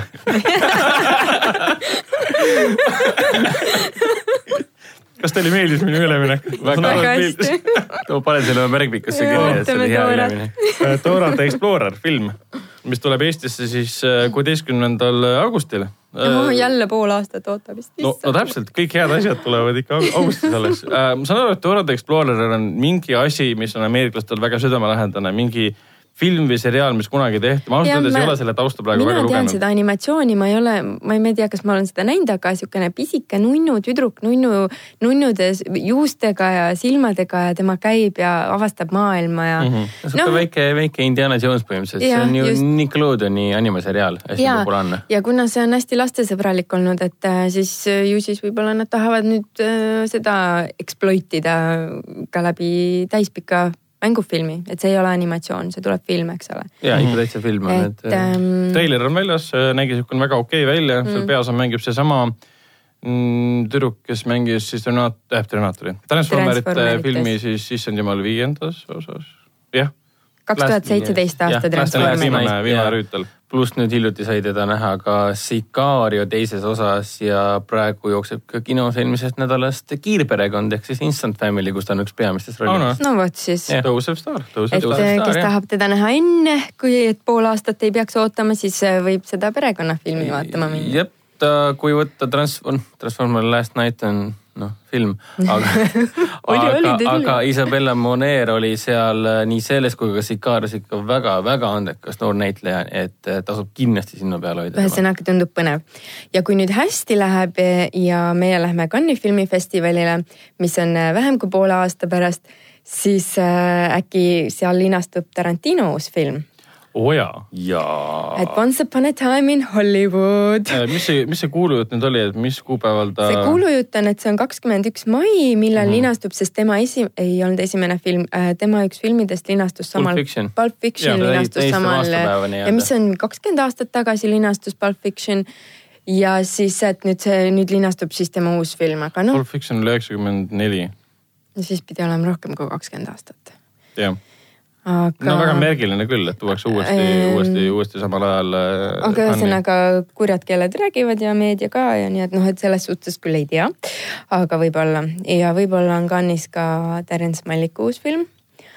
aga jah, selle filmi nimi on Rade, Rade Kund ja see on selline Melliku, Melliku stiilis äh, sõjafilm äh,, mis räägib jälle sellisest äh,, no, mulle veits meenutab seda äh, Mel Gibsoni filmi, see noh, tuletan nüüd meelde. We were soldiers või? ei, ei Braveheart. Hacksaw Ridge. Hacksaw Ridge jah, kus oli ka üks äh, tegelaskuju, kes keeldus relva kandmast, aga tahtis sõtta minna. aga noh, see seal oli vastupidi ju, ta ei tahtnud minna. siin, siin jah, täpselt ma tahan sinnani jõu-, selleni jõuda, et ta, et ta läheb üldse nagu no Hacksaw ta keeldus tapmast. ja et ta deserteerub täiesti selles mm. uues filmis, aga kuna see on Terence Malicki film, siis võib sellest oodata põhimõtteliselt kõike. et ta võib olla nii nagu Thin Red Line või ta võib olla selline, nagu tema viimased filmid on olnud, ehk siis To the Wonder ja kõik sellised, et mm. jah, Emmanuel Lubetski operaat-, operaatori töö on kaunis, aga kaua sa seda uimerdamist selles mõttes kas vaatad?, kas Lubetski on nüüd tagasi ka või? Radekundiga. Äh, minu arust ei olnud, ma võin seda kontrollida, aga minu arust ei olnud. Lubetski on hõivatud tõenäoliselt äh, äh, korooni asjadega. selle filmi operaator on Jörg Vidmer äh,. Ausalt öeldes see nimi ei ütle mulle väga palju. äkki ta on tõusev staar, kes äh, oskab ilusasti joonistada ma igaks kaameraga juhuks. äh, kontrollin, ma võin kihla vedada, et ta on teinud mõne filmi äh,, mida ma olen äh, kindlasti näinud äh,. Jörg Vidmer on siis ähm, operaatori töö vallas ähm,. Hmm. Hmm. ega, no, no loe mõni nimi Ei- siis ei kõigile. ega ei olegi väga, oota. no mis keeles need seal on? Ei kõla küll nagu inglise The keel. Invisibles, mis asi see on, kas ma olen seda näinud, ei ole näinud äh,. Euroopa filmid enam ei olnud, aga mm. ei tule üldse ükski nagu tuttav ette, mis on täitsa no kui Mälik valis tema, siis tõenäoliselt on tegemist suure põhjusega ikkagi ja just. ja ühtlasi jääb ka Radekond üheks kõige viimaseks filmiks, kus äh, osales äh, vanameister Bruno Ganz, kes alles hiljuti meie hulgast lahkus. jah, tõsi, mis on kurb. Aga, aga, aga, aga rääkides äh, Tarantinost, siis mis on teie mõtted siis uuest treilerist või noh, esimesest treilerist? mina teen ikka ja jälle seda, et kui vähegi võimalik, siis ma ei vaata seda treilerit, ma tahan olla üllatunud. ma vaatan vahel pilte, ma loen mingit lugu, ma loen kommentaare võib-olla kuskilt millegi kohta. aga see, milline ta siis nagu täpselt on, see no viimase hetkeni, kui sunnitakse kinos nägema seda treilerit, no siis ma vaatan. aga üldjoontes ikkagi ma tahaksin olla täitsa puhas leht, ma tahaksin olla igas hetkes üllatunud, noh, et no Tarantino no, minu jaoks see treiler oli väga kena ja kõik see, aga see tundus nagu see reklaamib mingit teist filmi, mitte Tarantino oma. et esiteks ta ei olnud väga Tarantino-lik äkki ta tahab, tahabki seda teha, et äh, kui sa vaatad treilerit, siis sa ei saa aru, mihuke, kuidas ta lugu räägib sellel korral, äkki ta nagu. tõsi, tõsi. puhast, puhast saatus olla. ma olen sinuga, sinuga nõus, sest äh, The Hateful Eight'i tema eelmise filmi treileri samamoodi reklaamiti yeah. räige nagu tulistamisfilmina, kus on totaalne action kogu aeg, aga tegelikult see film koosneb kolmest tunnist, kus on dialoog, mis pole üldse halb asi. no see ongi, see ongi Tarantino, sest igaüks, kes arvab, et ta läheb treileri põhjal vaatama action filmi, ei ole Tarantinot vaadanud eriti ja kuna see film on ka esimene, kus äh, Tarantino ei tee Weinsteini kompaniiga enam äh, koostööd ah,. õige jaa. sest, sest äh, põhjused. sest põhjused, täpselt, me kõik teame need põhjused, et tuli siis päris korralik selline pakkumiste sõda selle peale ja Sony selle võitis mm.. aga ma ausalt öeldes ma ei ole Sony tööga väga rahul praegu. mina ei ole ka olnud Sony tööga väga rahul. postrid, mis on vahepeal välja tulnud, on siuksed väga halvasti Photoshop itud, mitte ja, midagi ütlevad. kaks postrit tuli, ühel oli Brad Pitt ja. hästi-hästi igav oli ja ma nägin ka, ja täpselt see. kuidagi väga, väga mingi valge ja oranž ja oligi kõik. üheülbalised veidrad Photoshop itud postrid. kusjuures täpselt ma ei tundnudki ära, ma vaatasin täiega, no kes see mängib seda naist ja siis vaatan, et Margot Robbie peaks olema hmm,. mis otsast, see ei olnud üldse tema näoga ja noh, see treiler, no minu jaoks oli treiler väga erutav asi, et töö juures vaatasime kolmakesti ja suu, suu, suu lahti kohe. aga samas on nagu tore, see treiler veits meenutas äh, viimast Avengers Endgame'i treilerit oi noh okay., selles, selles mõttes, et ta hoiab võimalikult palju tagasi, et mitte sulle öelda, et mida me nägema hakkame. aa, siukene jälle okay. siukene udutamine. ma olen väga rahul, et okay. ta udutas, noh, ma arvan, et Tarantino tuleb mm, -hmm. aga ta ei näita sulle, mida Tarantino toob. kas, see on väga positiivne. kas verd ka oli? Treileris ma küll verd ei näinud. ei, ei, ei okay., see ongi kõige veidram, et see on Tarantino film ootame kilode kaupa. me eeldame, et seal hakkab täpselt kilode hojade kaupa nagu verd voolama, me teame, et seal on Sharon Tate sees, keda mängib siis Margot äh, Robbie. me teame, et siin on see Charles Manson, äh, keda mängib sama näitleja, kes mängib Mindhunteri tulevases no, kogu, teises kogu hooajas. Once upon a time in Hollywoodi keskmes ongi ju põhimõtteliselt äh, Charles see oli vist ka kõigile lisaks ajastufilm äkki on ju? see on ajastu, ajastu film sellest, kuidas just see periood, kui Charles Manson ja tema jüngrid võtsid kätte ja tapsid armutult ära ja. äh, Roman Polanski äh, tulevase naise. kahetsusväärselt veel isegi tulevase ema, emaks saava naise aga sellest treilerist absoluutselt polnud aru saada, et see on selline kuidagi sünge või tõsisem film, et. ärme, ärme rohkem räägi, ma ei taha teada. tundes siis, kuna see on niisugune hell teema tegelikult, siis tõenäoliselt ta võtab äh, noh, Inglorious Bastardsist me nägime, me nägime küll, mis ta natsidest arvas mm seda küll. eks me küll. näeme, mis ta arvab ka Mansonist. pigem on see film suur üllatus ja seda üllatusi me just Tarantinot ootamegi. mida me ootame veel üllatusi on kindlasti Stranger, Stranger Thingsi kolmandat hooajat, sest selle teile tuli ka välja vahepeal, see tundus väga tore, väga roosa ja värviline. aga veits on küll tunne juba see, et okei okay,, esimeses hooajas tuli siis Upside, issand jumal, Upside? Upside Down. Upside Down maailmast tuli koletis teises hooajas tuli Upside Down maailmas korjates ja kolmandas hooajas tuli Upside Down maailmas korjates. et kaua nad suudavad, kui nad jäävad sama valemi juurde, seda asja värskena hoida okei okay,, kolmandas hooajas on kõik nagu vanemaks saanud. jah, ma just tahtsingi need... öelda, et niikaua kui lapsed suureks kasvavad, et ühe hooaja äkki nad saavad veel teha siin vahepeal. kuna need näitlejad vananevad äh, selle koha pealt saavad äh, küpsemaks, siis äh, ja. kolmas hooaeg on ka, oli aru saada. juba tiinekad, eks ole. Nad on tiinekad mm, -hmm. neil on seal kaasad, neil on sellised romantilised suhted ja siis tuleb jälle äh, kuri Upside Downi koletis, mida teises ka näidati Äh, mina vaatan sellest palju, kuigi ausalt öeldes teine hooaeg ei olnud mulle enam nii meelde jääv, seal oli kuidagi mingid lisa nagu sisuliinid, mis ei töötanud nii hästi. tuli, et teine osa mulle. hooaeg. hooaeg. okei okay., teine hooaeg. Äh, esimene hooaeg mulle väga meeldis tänu sellele nagu sa ütled endale, et see teine, teine hooaeg on samuti väga hea. Aga ta kannatab sellise klassikalise järjeloo all, ehk siis teisisõnu, ta hakkab veits liiga palju kordama ennast, aga ta on ikkagi väga-väga armastusväärne nojah, sest seal oli uus, uus teema nagu käsitlus ikkagi, et ta selle koha pealt ennast ei korda. mis oli vähemalt minu jaoks hea. millest, mis uudistest me tahame veel rääkida, Henrik? mind vähemalt erutab see, et äh, miks, miks, miks te nüüd naersite praegu? ei, see on teine, mingi neljas kord, kus sa ütled, miski erutab sind. et ma nagu põnevusega ootan, mis on see asi Mis- filmimaailmas, mida me peame kõik teadma. mis mind filmimaailmas jälle erutab ja, et siis kaks tuhat kakskümmend üks praegustel andmetel peaks siis linastuma Guy Ritchie Sherlock Holmes kolm siis. millest me ka esimeses saates. esimeses saates rääkisime. millest ma ei olnud siis juba erutatud, see aga on siis see okei. Sherlock Holmesi seeria, kus peaosades on Robert Downey Jr ehk siis Raudmees ja Jude Law. Ehk siis- mida me teada saime, on siis see, et. kas Jude Law kohta ei ütlegi, et eksis või? suva mida jah. kapten Marveri kõrvaltegelane või? jah, näiteks. Uh, Jude Law'l oli palju erinevaid äh, ägedaid rolle, et kohe ei, ei tule pähe. aga vähemalt Jude Law ka nüüd MCU-s sees, vaata. no nüüd ta- nad saavad teda ka lüpsma hakata vaikselt ja siis ta oli ju väga tähtsas rollis ka, mis see oli, Beasts kus ta mängis Johnny Deppi vastu. appi Beasts, filmi nimi.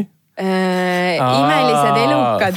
Fantastic Aa. Beast, Ja, ja, ja, ja. Grin- Grindelwald. jaa, õigus, õigus, ta mängib, mängib Dumbledore'i ja, ja, ja, ja ja. kus neil on äh, ikkagi äh, armusuhe ja, Ja, ja ja. seda saab hakata nüüd lüpsma, kui seal veel tuleb no paar äh, selle osa arm, välja. armusuhte kohta juba vahepeal äh, J.K. Rowling, kellele meeldib äh, oma Twitteris oma äh, juba ammu ilmunud raamatuid siiamaani täiendada, andis siis teada, et siis ähm, Grindelwaldi ehk siis Johnny Deppi ja siis äh, Dumbledore'i ehk siis Jude Law vahel oli väga selline intensiivne seksuaalne armusuhe jah, mille peale siis fännid põhimõtteliselt naersid ta välja, et mitte sellepärast, et arvamussuhe oli mm. -hmm. vaid see, et J.K. Rowling lihtsalt jätkuvalt kogu aeg Twitteri vahendusel, ilma mitte kuskil tõenäoliselt kirja panemata, võib-olla panebki kirja, ma ei tea äh,, lihtsalt täiendab neid lugusid. jah, eriti veel arvestades seda, et meile lubati ju äh, suurt äh, Grindelwaldi ja Dumbledore'i kohtumist ka Fantastic Beast'i teises osas Jah. mida nüüd eelmise aasta lõpus nägime.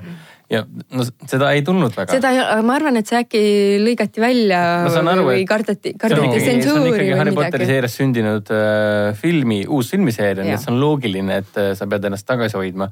aga ütleme nii, et äh, me elame ikkagi ajastul, kus võiks juba hakata julgemalt äh, ka suurtesse äh, plokipurjustajatesse rohkem äh, sisendada seda, mida.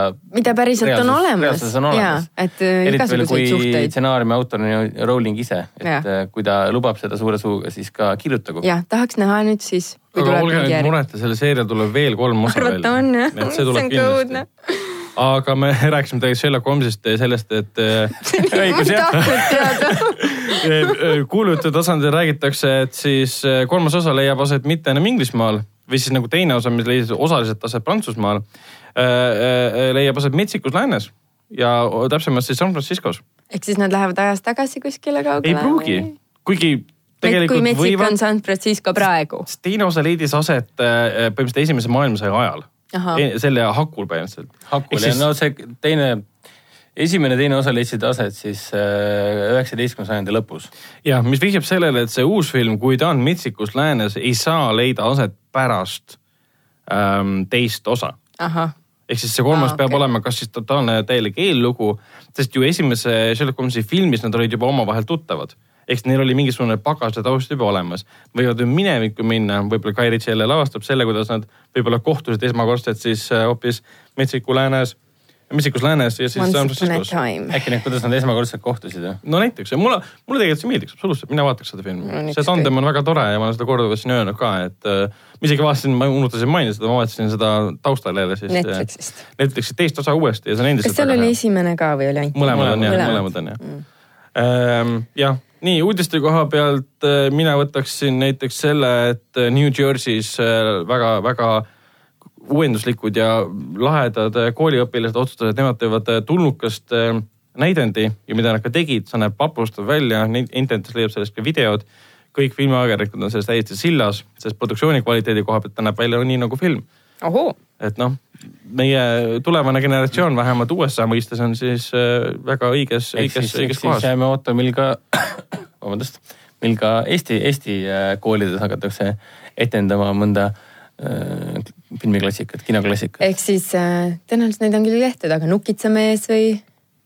Ma, ma mõtlesin rohkem nagu kaks tuhat üks kosmose Orosseia või midagi taolist või Hiilgus näiteks. kuskil, see on kindlasti näideid juba tehtud selles. Ma arvan ka, et neid vist- ei, ei, ma räägin, ma räägin, et Eesti, Eesti kooli neid ongi, õpilased aga need on teevad joiningut näiteks noh. see ei tule sama. panevad mõne algkoolipoisi istuma sinna selle äh, autokese otsa ja sõitma ringi ja reetramm. Red Run. ei, kui nad kaks tuhat üks Space Odyssey's teevad näiteks Eesti koolis näidend, siis sa vaatad seda kuskil aulas, see kestab kolm tundi. enamus aega on vaikust ja keegi midagi kuskil mingi klaveri Or- peal on kinistab natukene ja, ja lõpus käib orkester ja keegi tõstab siis nööriga siis selle beebi niimoodi kosmose beebi liikuma sinna. keegi annab oma beebi sinna. oh,. ei, seda ilmselt ei juhtu. aga kas Aga- aga..., kas meil on veel mõned uudised, mida me tahame mina kindlasti? tahaksin küll mainida seda, et äh, juba sellel aastal peaks välja ilmuma sihuke tore asi nagu Midsommar ehk siis Hereditary oma debüütfilmiga Hereditary kogu maailma nii-öelda ära šokeerinud äh, režissöör Ari Aster tuleb oma teise filmiga kas see tuleb ka õudne? ta, ta lubab, et vaata, ta, ta on sihuke tüüp, kes, kui küsitakse, kas tuleb ikka õudusfilmi mm. -hmm. siis ta ütleb, et natukene võib-olla. noh, Hereditary ka siukene peredraama nii-öelda, aga noh, väga, väga, väga keeruline ja väga õudne peredraama. aga Midsommar, ta nimetas seda It's a Wizard of Oz for perverts. Et mulle, mulle see tsitaat tegelikult väga meeldib. mulle ka, see kõlab tõesti niimoodi, et sind visatakse kuskile ja siis sa seikled seal võtad hästi palju tablette alla. ja, ja siis läheb midagi väga-väga käest ära No ja jah. siis sa oled pärast üllatunud, et läks käest No, ära või jõu onju. kuna lugu oli Norras või Rootsis, ta leiab aset Rootsis ja, ja Rootsi väikses külakeses. kus on mingi kultus, kes võtab eh, reisijad enda rüp- et esimese, esimese treileri põhjal tundub olevat nagu kaasaegne nägemus Wikermanist mm. Mhm. -hmm. mitte küll remake ega uus versioon ega midagi taolist, uus töötlus, vaid pigem midagi sellist tänapäeval. see film leiab aset siis, ma saan aru, kesksuvel, nii nagu pealkiri Midsommar. Midsommar eh, viitab. ehk siis see on selline jaanipäevafilm, et millal see eesti keeledesse võib tulla? keegi ei tea tõenäoliselt jah. õige pea peaks tulema, varsti saab rohkem uut infot. loodan, et see juhtub kesksuvel, muidu see pole ikka õige asi, vaata. no USA reliis on praegu üheksas august ehk siis tõ tõenäoliselt kuskil suve lõpus äh, nagu, nagu ka USA-ski. mm. -hmm. Aga selge, ma arvan, et sellega peatame meie, meie uudiste sektsiooni ja lähme edasi filmide juurde, mida me oleme siis kinos vaadanud siin kahe podcast'i, vabandust, taskuhäälingu vahel. ikka ära harjuma sellega, et mitte podcast. ei, ei saa, ei oska, mõnikord eesti keel ei toimi ja taskus ta ei toimi mul absoluutselt mm. -mm. taskus häälitsemine. taskus häälitsemine. Eesti keel ei toimi sinu taskus hästi. ei, see tasku häälitsemine eesti keelena ei toimi nagu maikagi. maika on sama kole sõnaga nagu taskuhääling. Sa mõtled praegu Maike Monroe'd või? ei, maika on okei okay.. Michael, Michael Monroe John, John McClane'i.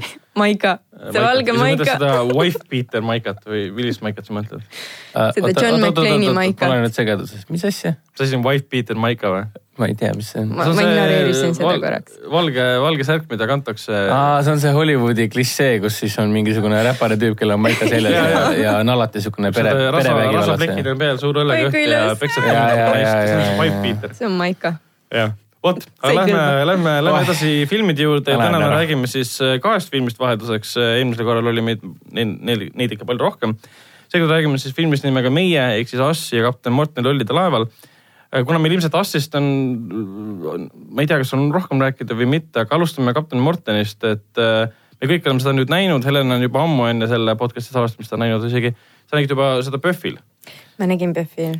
nii, ütle siis Nii., ütle siis, mis sa sellest filmist arvasid? minu esimene mõte oli see, et äh, miks on näod nii kandilised. et äh, nukufilme see on nukufilm. Nukufilme on äh, ka ümaratel kujudel nägudel, et ma, esimene asi, mis mul meelde tuli, oli noh, internetis oli see mm, hirmus nunnu ämblik. ühel hetkel hakkas see levima, mäletate? aa, ja mi- mina ise nii sulle selle video., et mulle Aa, ämblikud üldse ei jaa, meeldi, aga jaa. see oli nii nunnu.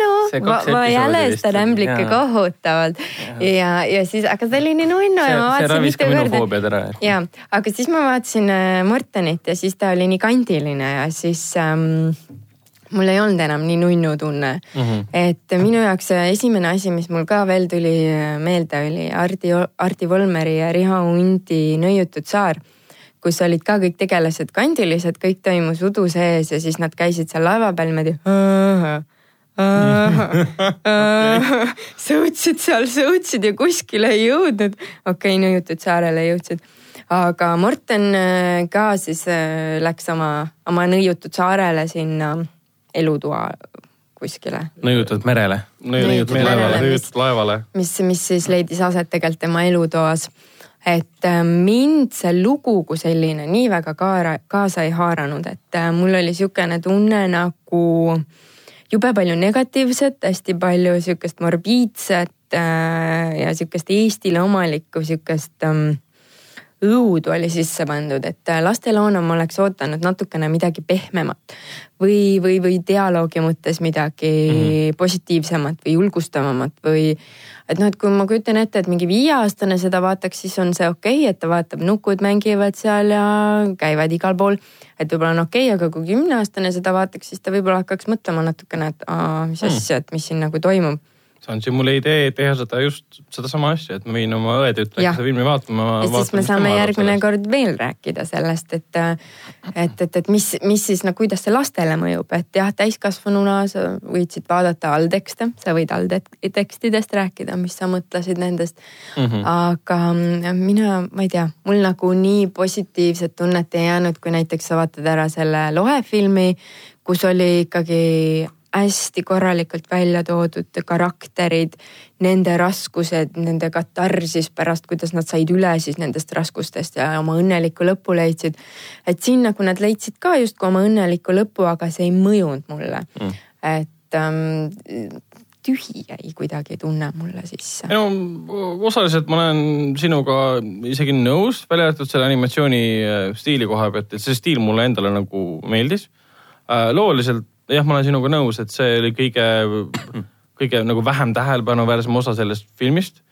Küll aga mulle meeldisid hästi need äh, siuksed jubedad, morbiidsed, võikad asjad, mida see film kasutas, ütleme nagu noh, täpselt see on nagu lastefilm, aga need täiskasvanu tundub mõned asjad väga võikad, kasvõi see, et seal sõna otseses mõttes laeval tegeletakse mitu korda kannibalismiga, süüakse madruseid põhimõtteliselt, tehakse neist, see on väike spoiler muidugi, tehakse neist, ütleme süüa, ma ei ütle mida.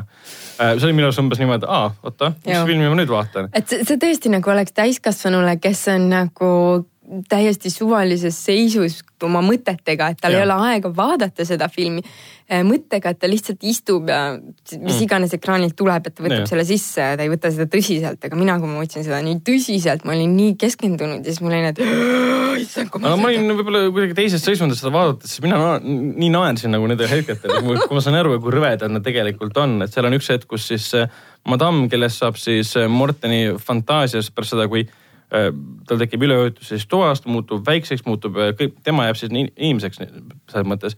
kõik teised tegelased muutuvad siis nõuputukateks ja sõidavad siis laeval, mille kapten tahab olla, aga mis võetakse madammi ehk siis tema kasuema poolt üle. kasuema muutub siis ämblikuks ja mulle nii jäi meelde see, vaata seal oli see Eliise või Liise mm, -hmm. see, kes oli tegelikult liblikas, aga oli kookonis sees Jaa. kinni.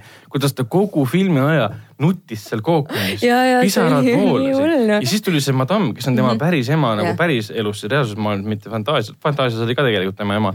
tuleb tema juurde, nimetab oma tütart paksuks ja koledaks ja Koledaks. väärtusetuks ja, ja kõike nii edasi. ja ei anna talle süüa, ütleb, et sa pead alla Sa oled võtma see mõjus mulle umbes täiesti siukse košmaarsena, et kas filmitegijad panid sisse sellise eh, ma ei tea, kuidagi enda lapsepõlvest pärit mingisuguse trauma, et ja. ja tõesti, kui mingi üle kümneaastane laps seda vaatab, ta vaatab, et issand jumal, et emme, kas see ongi selline Ja, siis lastefilm, emme, anna süüa mulle. et see, seal oli, neid ele- elemente oli veel hästi palju selliseid, aga see oli minu arust see kõige filmi selline naljakam ja niisugune üllatav osa.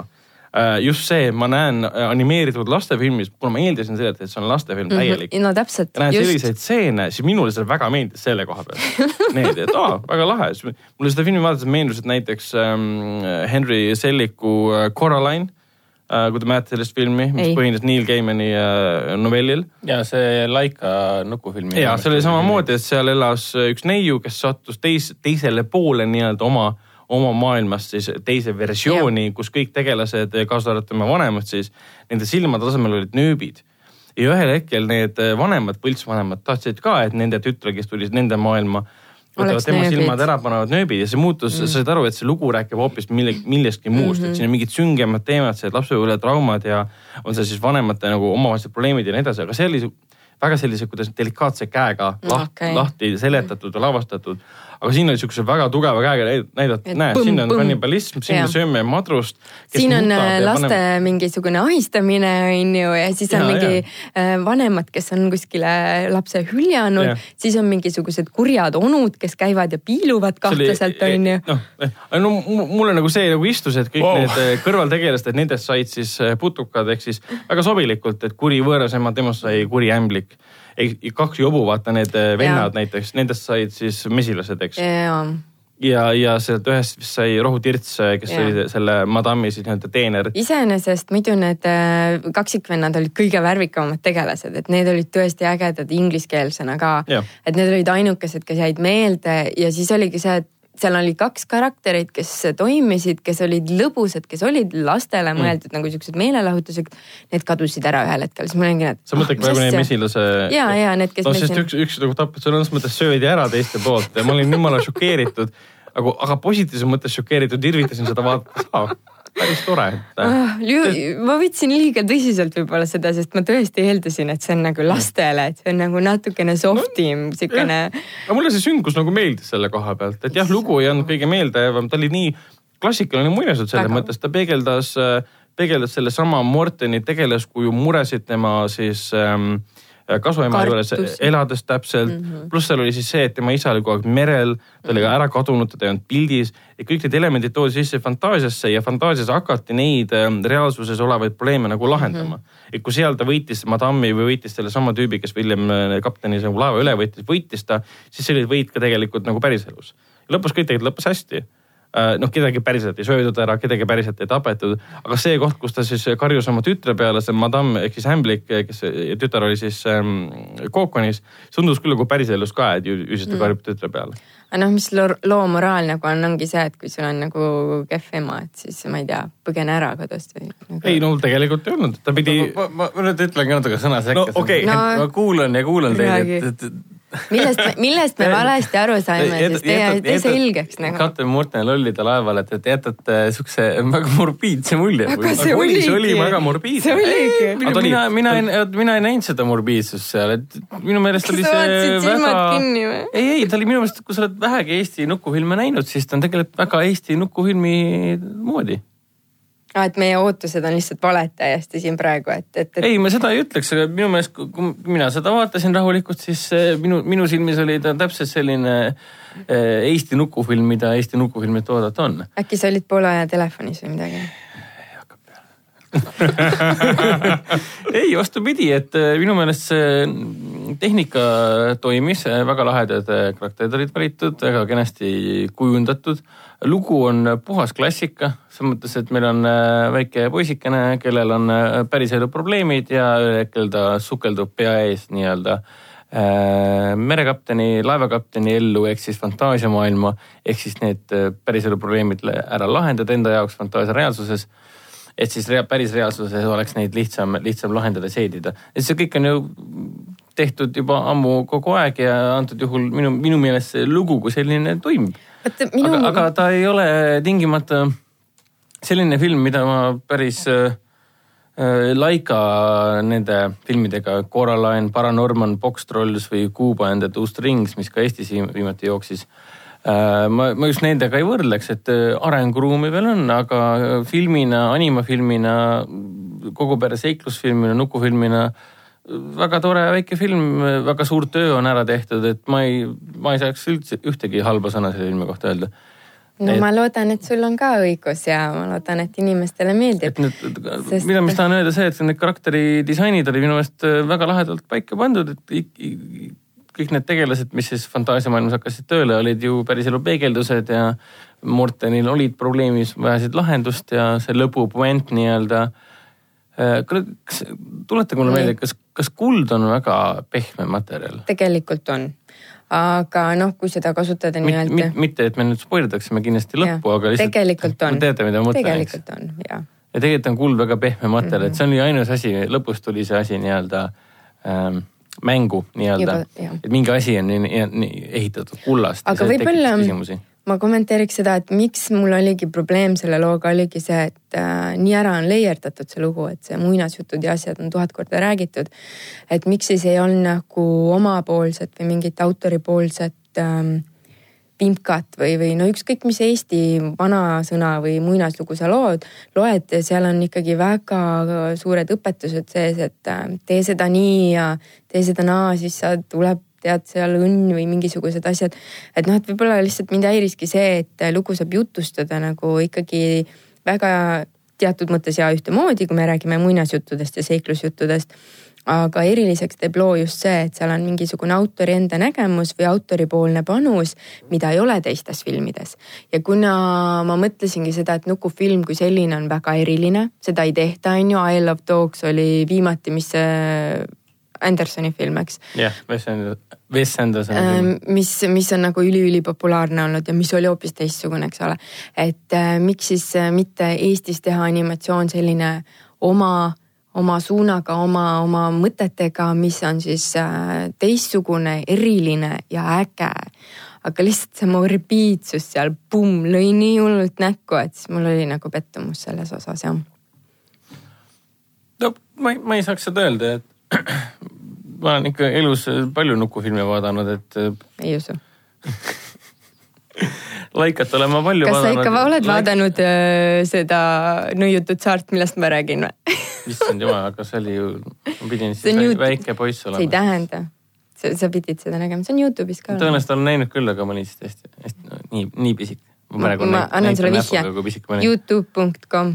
aga ei, uuesti seda kindlasti ei ole vaadanud, ei ole. see on mingi alla kümne minuti. eeltööna pole, ei tulnud ka pähe, et. ühesõnaga, eks ole näha, mis sellest filmist edasi saab, et et teda on väga palju, me räägime siis nüüd äh, kapten Mortonist, et teda on väga palju välismaale müüdud ja ta on linastunud, ma käisin Poolas sügisel, siis ta oli seal ühel festivalil täitsa mm -hmm. olemas poolakeelsena.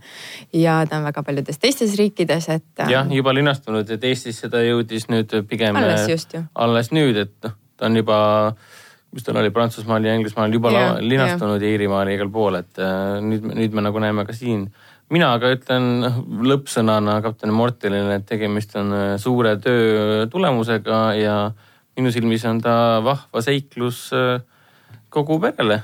no siis räägime nüüd meiest. nüüd räägime meiest. no mis te arvasite siis meist, me, meiest? mis te meiest ah, arvasite? mis ma teist ikka arvan samasugused nagu eelmine nädal ei, äh, Jordan Peele'i siis äh, teine film äh, pärast Get Out'i meie, no me oleme juba rääkinud, et purustas siin erinevaid õudusfilmide jaoks nagu rekordeid. filmina ta, ta oli väga teistsugune kui Get Out, et kui Get Out oli väga selles mõttes konkreetne, et sa vaatad filmi, mõtled, issand jumal, mis toimub ja lõpus tuleb nagu pööre siin on ka selles mõttes, sa vaatad, mis toimub ja lõpus tuleb pööre, mis muudab filmi, kuidas sa filmi vaatad, et sa peaksid uuesti vaatama. aga ta on niivõrd teistmoodi nagu arendatud ja laetud ja need teemad, mis on siia sisse pandud, on niivõrd teistsugused. et minu jaoks oli see, et ma vaatasin filmi ära, ma hakkasin lugema erinevaid artikleid mida need erinevad asjad siin filmis üldse tähendasid. et ma saaksin mingisugust nagu mingi kollektiivse nagu pildi kokku ma saan aru, mida ta filmiga öelda tahtis, aga kuna siin on nii palju asju, millest me midagi ei teadnud, et kuna film algab sellega, et et Hands Across America kaheksakümne, kaheksakümne kuuenda aasta selline ähm, heategevuslik üritus tehti, mina ei teadnud sellest mitte midagi. selle kohta on uurima hakanud, mis, mis tähtsust see omab, aga no point on ka selles, et sa ei pea seda teadma, mis see tähendab, sest ühel hetkel tuleb filmis niimoodi sisse, et see mõjub väga sujuvalt ja arusaadavalt ähm,. aga minu jaoks see film, ta ei olnud otseselt väga õudne ja, ja mitte nii õudne võib-olla tõesti, kui oleks arvanud või eeldanud või ootanud, onju. mispärast ma nagu arvasin, sest kui ma treilerit vaatasin, ma arvasin, et ta on õudsem kui Get Out, sest ega Get Out ei olnud ka vaata päris õudusfilm. me ju vaatasime, ootasime Get Out'i uuesti, et ta on, ta on ikkagi õudusfilm ses suhtes. aga ta on nagu psühholoogiline õudusfilm. mis tähendab seda, et ta ei ole umbes niimoodi, et kogu aeg ei ole niimoodi iga viie minuti tagant. ta ei ole selles mõttes õudusfilm, et sa pead nagu valju heli tõttu ehmatama, kuigi siin Astris olid ka need elemendid olemas täiesti ta on ka nagu, ta mängib selle piirimail, et ta üritab olla võimalikult psühholoogiline õudusfilm, mis tal nagu õnnestub. ja samal ajal üritab klassikaline õudusfilm olla, kus on siis valju heliga ehmatamised, kõik siuksed asjad. pluss seal on niisugune. Mm, tagaajamist on. tagaajamist ja pluss niisugune ümberulatuv, väga huvitavad nagu tasandid, mis on sinna sisse pandud. täpselt et ta, ta nagu meeldis mulle, aga mul on tunne, et ma pean teda uuesti vaatama. mul on täpselt seesama tunne, sest kuigi see lugu äh, jookseb loogiliselt algusest lõpuni, sa tead, kes on, mis teeb keegi ja mis siis lõpuks saab. aga just ongi see, et kui sa nagu hakkad tagasi mõtlema, siis ongi see koht, et sa tahaksid nagu uuesti näha seda või et nad, et, et rahulikult uuesti vaadata, et ahah, ahah, siin oli see asi mm, -hmm, siin on nüüd see asi. ja et siis ta liigub selle looga ja siis kõik see, mis seal taustal toimub ja kuidas ta karaktereid mm. paljastab ja kuidas siis äh, ta lõpupööndini jõuab, mis on ka täiesti olemas ja mis yeah. on ka väga vinge et ei ole nagu muretseda vaja sellepärast, et ahah, tegelikult lõppes hullult kehvasti ja siis on mm. kogu film kehv, on ju. et seda ei olnud. Aga, aga, aga, aga mis seal veel oli head? ikka sul on mingi aga vaata, et. aa ah, jaa, see aga oli mul, et äh, mul jäigi mulje sellest, millest sa alustasid, et film algab äh, mingisuguse Ameerika asjaga, millest me ei tea, mis see räägib mm.. et kohati mul jäi ka see tunne, et see film räägib ka natukene rohkem mingisugusest Ameerika asjast, mida me ei mõista äkki. et kui Get, äh, Get Out oli selline, et ahah, siin on see probleem, ta käsitleb seda nii mm. -hmm. aga Us oli jälle niimoodi, et mm, kas ma nüüd tean, mida see tähendab, et seal oli nagu Balti kett ühesõnaga. et noh Kau,. kaudses mõttes jah. jah, et see on nagu see, mis meie näeme siin, et kui siin on jälle, me peame rääkima trumbist ja mingi trumbi probleemidest, siis. Äh, ei no seda mina ei tajunud, et ürit-, et ei ürita nagu olla poliitiline. aga, aga midagi seal oli, mis äh, nagu võib-olla jäi meile äkki võõraks või on meile võõras. iseenesest see ei mõjuta lugu või filmi nii ja. väga, aga see oli miski, mis mul oli nagu tunne, et oot, et kas ma nüüd ei päris ei mõista äkki kõike. kusjuures režissöör ise kommenteeris seda Hands Across Americat, et miks ta just sellisel kujul sees on ka. minu meelest oli see režissöör, kes sellest täpsemalt niimoodi rääkis, aga mida, mida ta tahtis nagu öelda selle mm, Hands Across Americaga on see, et eh, loodi tohutu suur eh, heategevusüritus, me hoiame kätes kinni, et no see polnud katkematu ahel, selles suhtes, see on nagu loogiline. aga.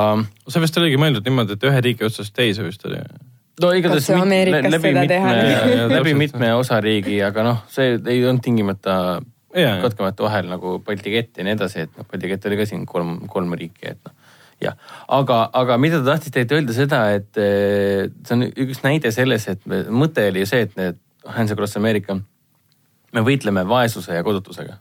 nii. Mm -hmm ja, ja aga tulemus oli see, et tulid kõik kuulsused kohale ja tehti suur-suur pidu ja pillerkaar, et me nüüd teeme head asja, teeme head asja. aga päeva lõpuks mitte midagi ei muutunud no see ja. ei toonud vist korralikult äh, raha ka sisse. teeme suure tsirkuse ja räägime, et me nüüd parandame kõik maailma probleemid ära, ehk siis mm. USA probleemid, aga mingit, midagi ära ei parandatud mm.. see on äh, põhimõtteliselt siiamaani ju seal ja, niimoodi. ehk siis, ehk siis Jordan Peele tahtis, minu meelest oli see, kes ise selle kohta ise ütles. ehk siis teisisõnu, me teeme näo, et me aitame, me teeme näo, et me aitame endast, endast, endast alamaid alamaid selles mõttes, et no, raskemas ja. olukorras ja, kui meie hetkeseisuga. meie oleme siin väga head elu, aga on no, halvemas seisukorras kui meie. aga väga lihtne on minna ja äh, laulda või tantsida millegi mm -hmm. nimel, aga väga raske on tegelikult reaalselt midagi ära teha. ehk siis Bill nagu ütleski seda ka Hands Across America kohta, tegelikult mitte midagi muutunud, lihtsalt tulite kohale, tegite toreda näo, läksite õhtul koju tagasi. see on täpselt samamoodi nagu need ameeriklased üritavad äh, aafriklaste näljahädasid äh, likvideerida, samas ise nad tarbivad meeletult ja viskavad toitu meeletult ära. ja see, mis nad äh, a la ühes päevas ära viskavad, see nagu on see, mis nagu terve Aafrika saaks söödud, vaata. vot, aga see, mis praegu välja tõid ja siis mida vend mainis, et kogu see Hands Across America nagu ei õnnestunud see väga tihedalt puutub selle filmi looga kokku. kuna me ei, me ei saa spoileritest rääkida, me peaksime eraldi kas saate või sektsiooni tegema, kus me räägime spoileritest, aga see on liiga värske film. aga kui, kui kuulaja täpselt teab, mis, millest film räägib, siis sünopsise tasandil võib öelda, et sul on täiesti tavaline mustanahaline perekond, kes lähevad Santa Cruise'i puhkama.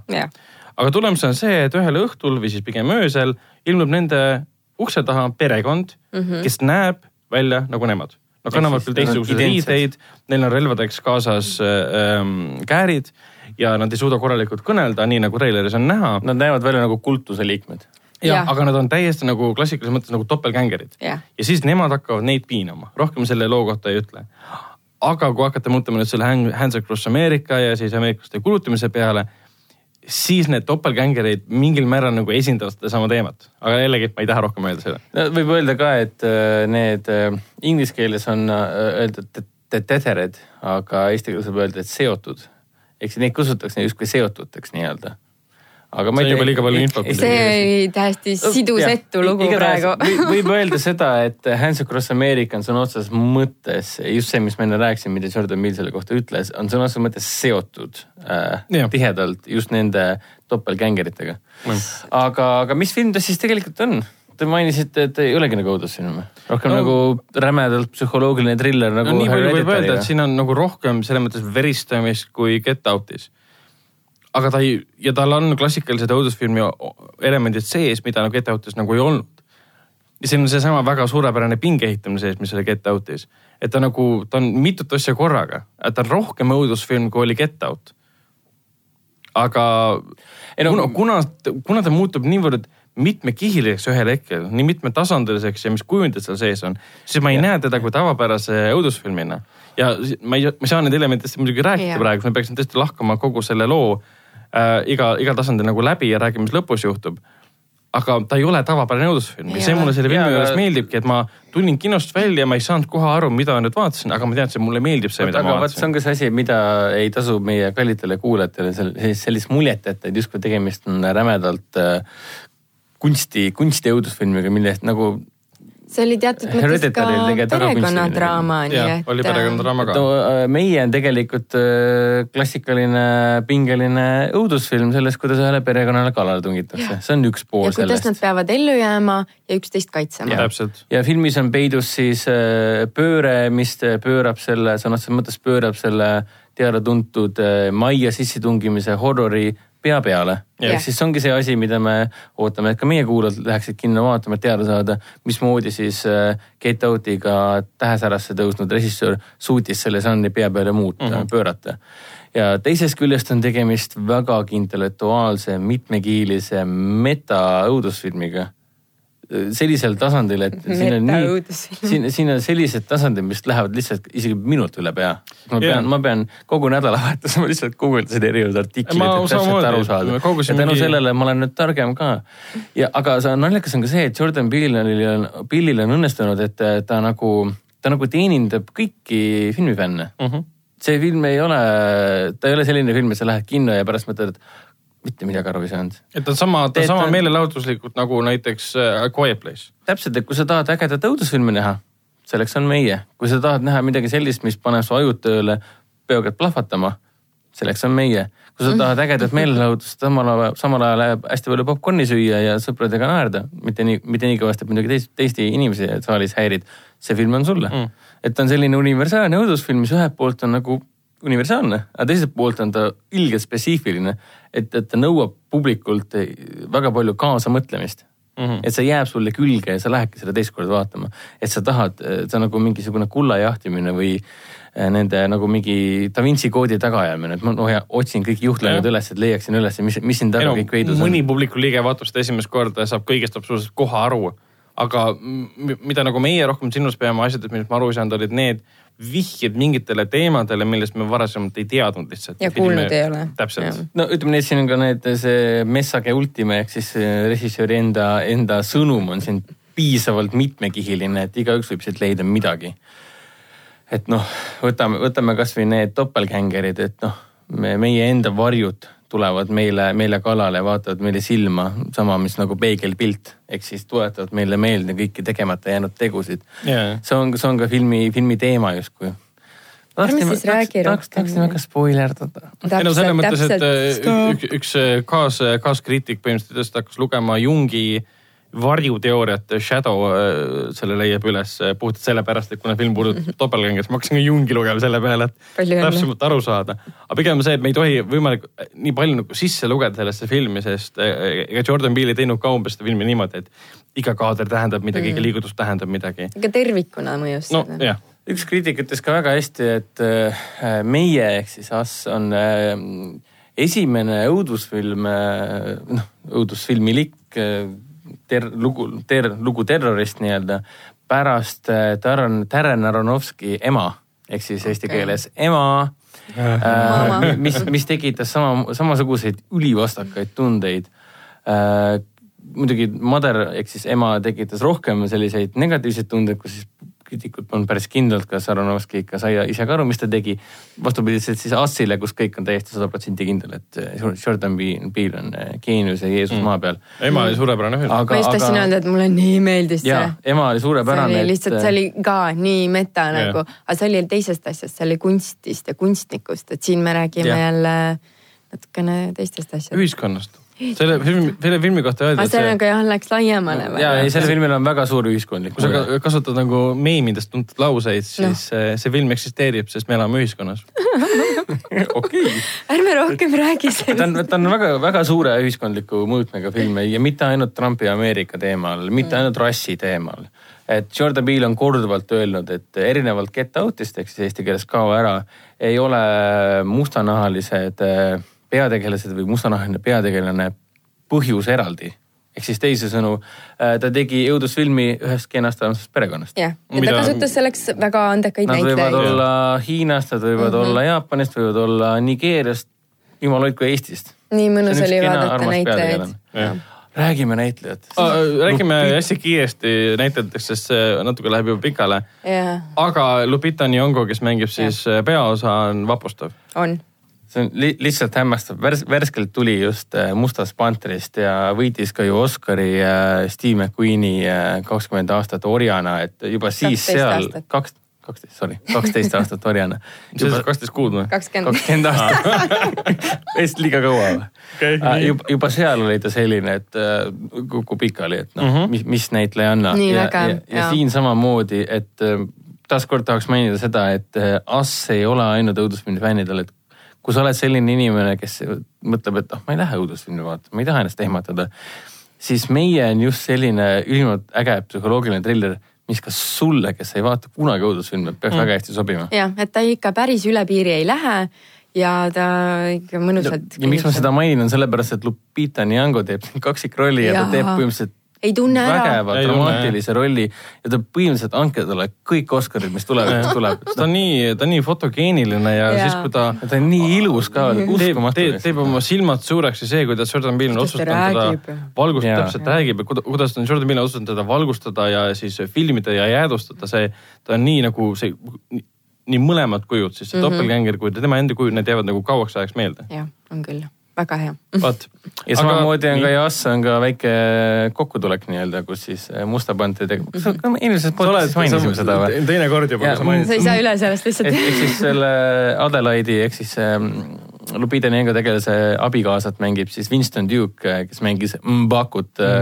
Mbaku Mm. Black Pantherist, keda ma mäletan, oli väga võimas tegelane äh, füüsilises mõttes ja siin on samamoodi, aga siin on äh,, tema on see comic relief ehk siis teisisõnu, ta pakub nalja ja naeru publikule. ehk siis mida, üks asi, mida ma unustasin mainida, et äh, meie on tegelikult väga humoorikas film ka. Sellest saab väga on. palju, kahe tunni jooksul saab väga palju nalja tegelikult. ja, sest see, kuidas nad suhtlevad ja see dialoog on loodud juba niimoodi, et jah, täiesti et, nõus sa tunned väga palju äratundmisrõõmu ka et noh, see on Jah. kohati väga uncanny nii-öelda. jah, vot nii., aga lähme edasi. jah, on kõik mõtted öeldud. viimased mõtted Assist okei okay., ma juba kahetsen, ma küsisin seda. ei, ei, ma ei taha rohkem ära rääkida. räägi meile viimastest mõtetest Assist. mikrofon on sinu. ei, ma küsisin teie käest. aa, okei okay,, ma sain valesti aru. öelge üks, üks viimane, viimane mõtted. mõttetera. suurepärane film, mida peab vähemalt kaks korda kinos vaatama. jah, nii ongi. jah. mina ütlesin oma mõtte välja, kõik olid jah selle peale. nii, ma, Helen, ma ütlesin sama, ütlesin Okei. jah. Cop out. nii, Hendrik.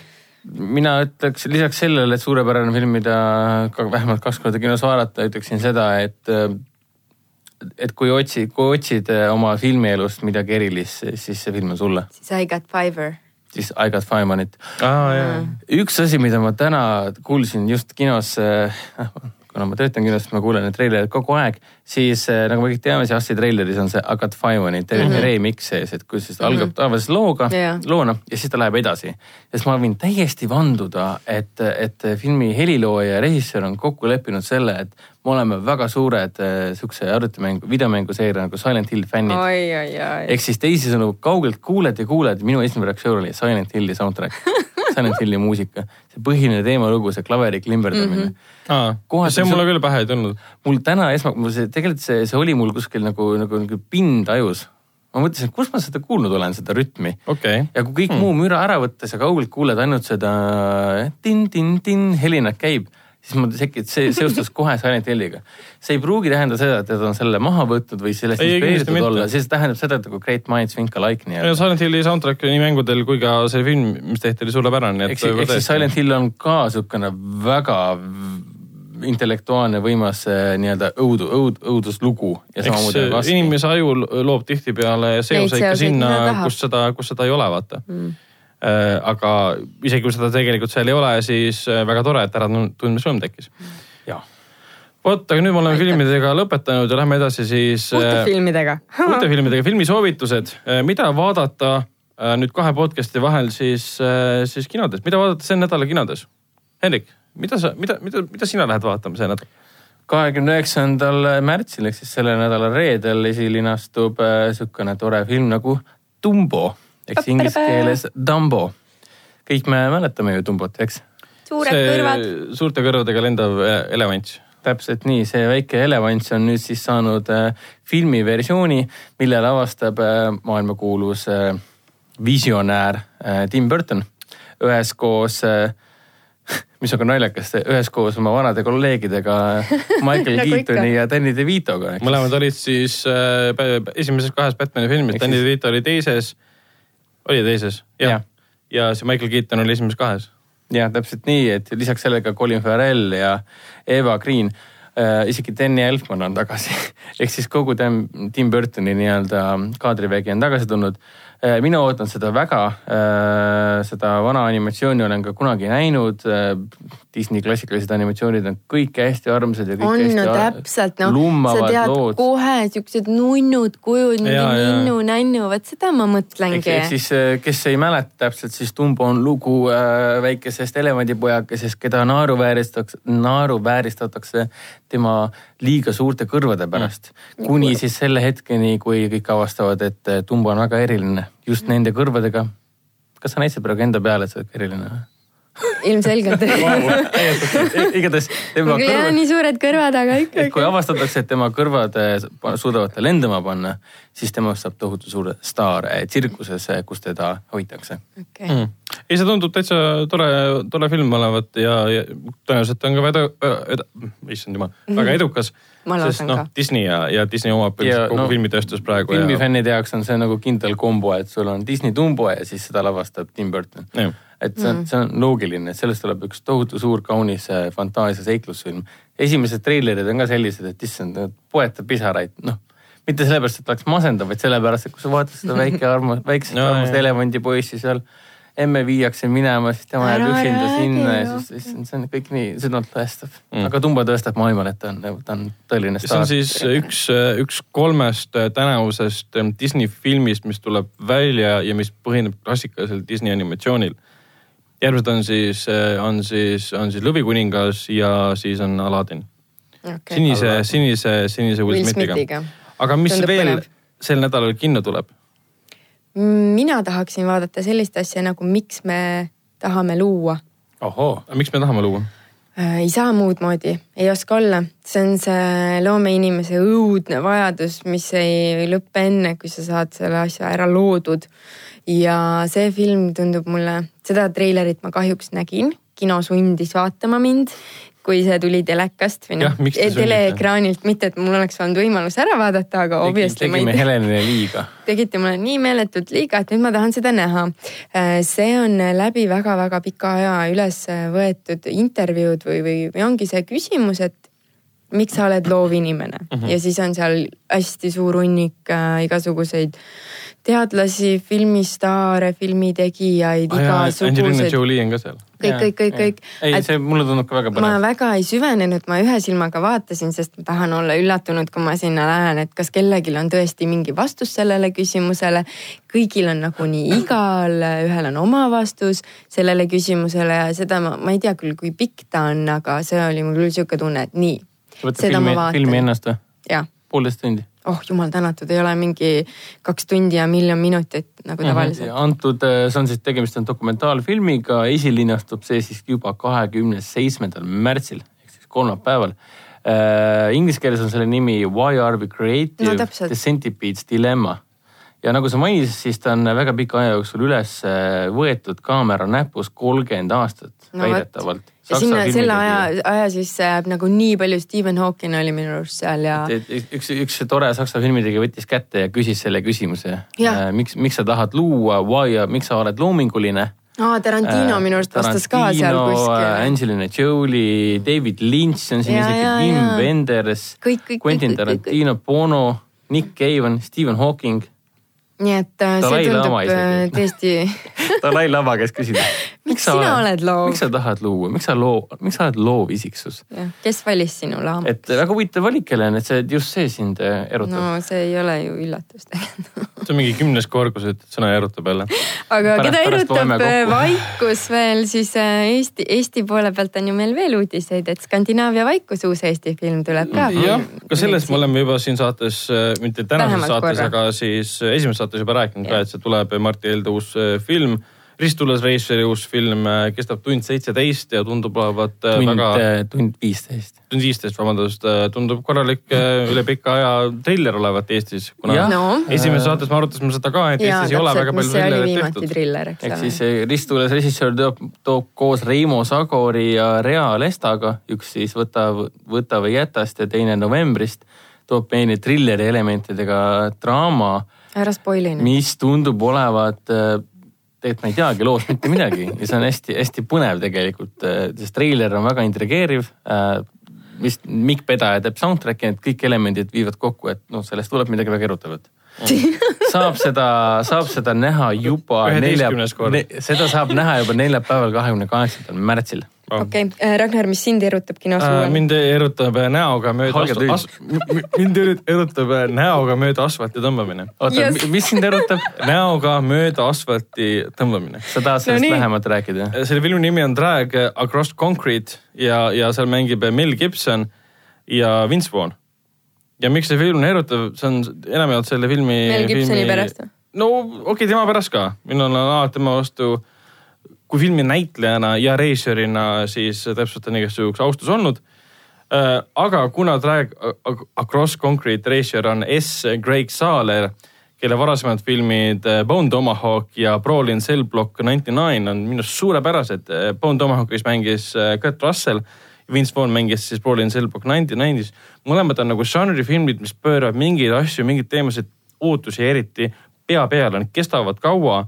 Brawl in Cell Block 99 kestis ka kaua ja see uus film siis äh, Näoga mööda asfalti kestab äh, kaks ja pool tundi. kaks tundi on Aga sellest võib öelda, et see on kolmkümmend üheksa minutit. täpselt, aga sellest võib eeldada, et see on niisugune verine, toores, võimas, brutaalne, korralik selline eh, krimifilmi andmine. kas see kõlab nagu poistefilm, kas tüdrukud ka võivad kinno minna? issand jumal küll. küsimus. ei, ma arvan küll, et kui Mel Gibson ja Vince Vaughn äh, korda lähevad, siis miks mitte. ei, kui sulle meeldib karm, ülikarm krimi, krimipõnevik, siis see film on sulle. siis need miljon minutit seal on seda väärt. see on kindlasti seda väärt, Ei sest no- see Kurt Russelli Bone Tomahawk algas nagu niisugune kummaline, kummaline western ja siis ta muutus täiesti lõppmilliseks õudusfilmiks. ultravägivaldseks õudusfilmiks. Brawl in Cell Block 99 põhimõtteliselt oli, mis ta tuli eelmise aasta, üle-eelmise aastal, selle aasta üks parimaid filme ka, ise vist panin ka kuskile nimekirja. nagu nii ootamatusi täis film, et lihtsalt sul mingi tüüp läheb vanglasse kätte maksma, okei okay.. ja siis sa vaatad, kuidas ta seda teeb ja sa mõtled, issand, pole ammu seal nii nagu jõhkrat filmi näinud ja see jõhkruse seis nagu veres ja vägivallas, see seisneb, kuidas ta on seda tegelast lavastanud. okei, aga mida me veel soovitame mina küsiksin selle peale, et eh, kes teab, kes on Vidok? Vidok on see film, vaata, Pitoff tegi kunagi oma esimese ja ainsa hea filmi. ja selle Gerard Depardieu'na see tööga oli. minu arust see üks esimesi filme, mis oli tehtud ainult puhtalt äh, digitaalsete efektidega omal ajal, ajast eest. puhtalt digitaalkaameratega. digitaalkaameratega, vabandust. Ja ta oli täiesti omast ajast sees, kuidas ta välja nägi, minu arust vapustav film ja siis Pitoff tegi Catwomani ja kõik me teame, mis sellest edasi aasta sai oli siis kaks tuhat üks ja ka ta läks jah ajalukku sellele, et ta oli üks esimestest suurematest filmidest, jah, mis oli siis digikaameratega filmitud. selles mõttes jah, väga, väga võimas. miks sa pidi mind erutama Miks praegu ma juba sest juba unustasin me ei ära. küsinudki, kas erutab sind või mitte. Vidok oli nii film kui ka päris uurija Prantsusmaal mm., ajalooliselt siis jah, ja Pariisi keiser on film, kus siis Vincent Cassel, üks minu lemmik äh, modernseid prantsuse näitlejaid, teda ka kehastab. selge, no see võib-olla erutab küll jah. räägi praegu rohkem tema algusaegadest. jah, sest Vidoko oli äh, sihuke tüüp, kes oli tegelikult äh, endine kriminaal ja ta isegi muutus kriminalistiks, uurijaks, detektiivist ja tema, tema, tema elulugu, tema juhtumid on inspireerinud lugematuid erinevaid äh, kirjanikke, kelle hulka kuulub ka äh, Victor Hugo, Edgar Allan Poe, Honoré de Balzac ja Mm. muidugi ka Agatha Christie ja näiteks seesama meie kõigi lemmik David Suchet ehk siis äh, Hercule Poirot. täpselt väga õige ilus hääldus, tema on ka mitte just karakter otseselt, vaid pigem juhtumid on justkui seotud ka. ja kuidas see film inglise keeles meil oli? Emperor, Emperor of Paris või okay. Pariis ja Pariisi keiser äh, räägibki sellest, kuidas siis äh, Vidoki algus nii-öelda, Vidoki algus sõna otseses mõttes, see on siis sünnilugu. eks see on See sünni, sünnilugu, kuidas, kuidas, kuidas temast sai nii-öelda kriminalist, keda kõik nüüd tänapäeval tunnevad. tundub olevat hullult pingeline, põnev, ajalooline seikluspõnevik, mis peaks igasugu, kõigile ajaloo, film, ajalooliste filmide fännidele väga hästi peale minema. ja see erutab küll jah. ja see peaks Jaa. kindlasti töötama ka nagu üleüldise filmifännide jaoks, sest selle filmi režissöör on Jean-Francois Richet mm. -hmm. kes minu jaoks on see tüüp, kes tegi väga hea remake'i John Carpenteri filmist äh, Assault on äh, Precinct äh, thirteen.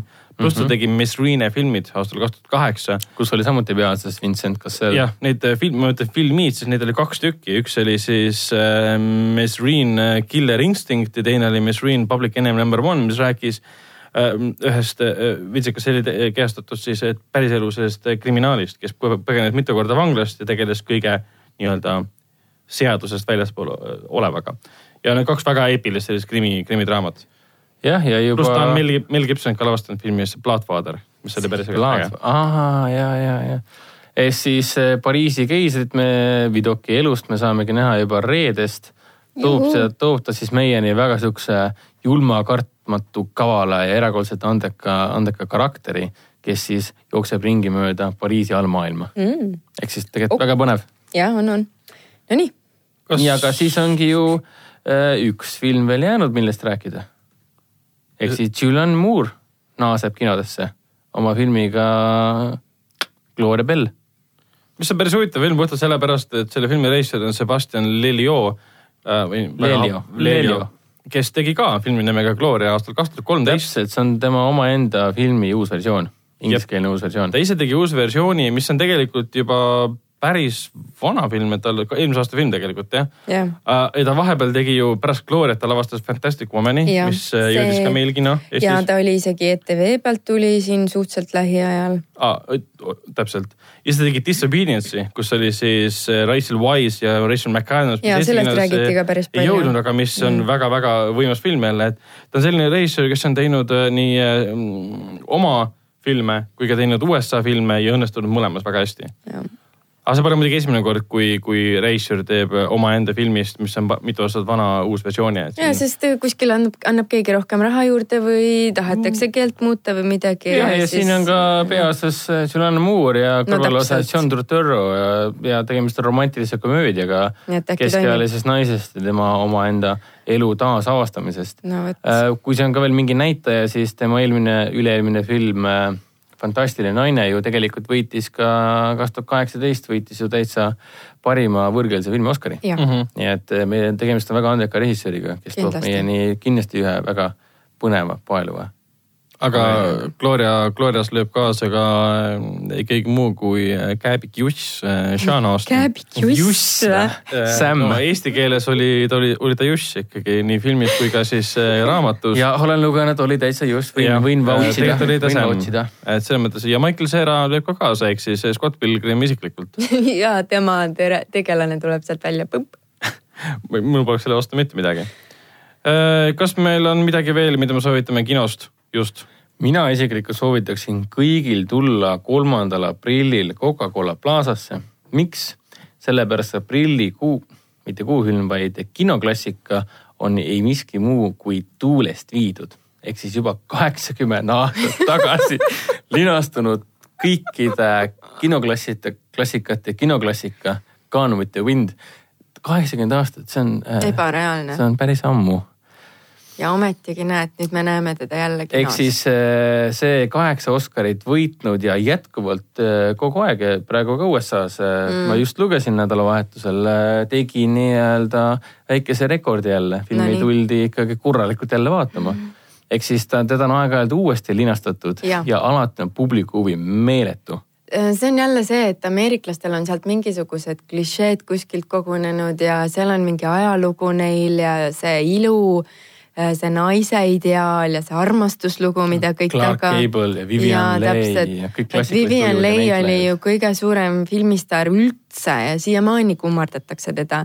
ja kõik see klassikaline Hollywoodi ilu ja, ja see kõik maailm need. värvid ja ta oli ja, ka ja esimene raske seal oli ka see nii-öelda American Dream, vaata raske elu, ta näeb vaeva, ta teeb Jah. tööd Ja ja siis siis, siis on see- et ei tulnud mitte armastus, vaid tuli rikkus majja, et. no täpselt, et põhiteema on ju põhimõtteliselt suhtedraama, aga samal ajal kui on see sõda on justkui ja, ja seal oli ka. orjust äh, minu arust puudutatud ja kõik need Jah, asjad, et, et seal oli hästi palju kihte ja sellepärast on see film ka mõnusalt äh, pikk. natukene neli tundi vist oli või? või oli rohkem? neli tundi, kolm tundi ja viiskümmend kaheksa minutit. kas te teete, teete ka pausi? ei, ei tee. kõik läheb otsa jah? Intermission'it ei ole Läheb,. läheb otse, tuleb nautida, aga esilinastust saab nautida eh, Coca- Coca-Cola Plaza kõige esimeses saalis ehk siis eh, praeguse nimega Escape saalis, mis on ääretult eh, fantastiline võimalus kõigil vaadata imeilusas 4K pildiformaadis seda suurt filmi. nii et soovitan kohale tulla just nimelt Escape saali. see on, see on hämmastav. Et kui teile tundus, et äh, näoga mööda, asfaltit on pikk film, siis tuules võidud on oluliselt pikem. tuulest viidud ja näoga mööda asfalt. see on väga-väga hea eestikeelne tõlge minu arust, et näoga mööda asfalti. jah, see kulub ära. aga teeme mõned Netflixi soovitused, sest need on mõned asjad, mida ma panin tähele, et sinna on tulemas äh, uutest filmidest on sinna tulemas The Highwayman. Isegi. Min tähendab, mis on väga äge, sest see on äh, esiteks Kevin Costneri ja Woody Harrelsoniga. See räägib äh, sellest, kui tuhat kolmekümnendatel Highwaymanid Aa, saadeti ma tean siis seda ja ma ootan ka seda Bonnie and Clyde'i, Bonnie ja. Clyde'i siis maha võtma põhimõtteliselt, see oli nende ülesanne. ja ma seda treilerit ka vaadanud ja nüüd Netflix film on ta ametlikult, jah, Netflix levitab seda, ta linastus siis selle aasta filmifestivalil siis SXSV mm. -hmm. ja on kriitikud kiidavad ja täitsa okei okay film ehk olevat. siis annab uue vaatevinkli Bonnie ja Clyde'i loole. no põhimõtteliselt võib ka niimoodi öelda. no vähemalt on uus. mina soovitaksin äh, paari aasta tagust üks hästi naljakas India film, mis kunagi linastus ka PÖFFil, Bahubali Ah. Uh, kas see nüüd tuli alles nüüd või? ei, ta on äh, Netflixis on ta juba päris mõnda aega ja PÖFFil oli ta, ma arvan, paar aastat tagasi.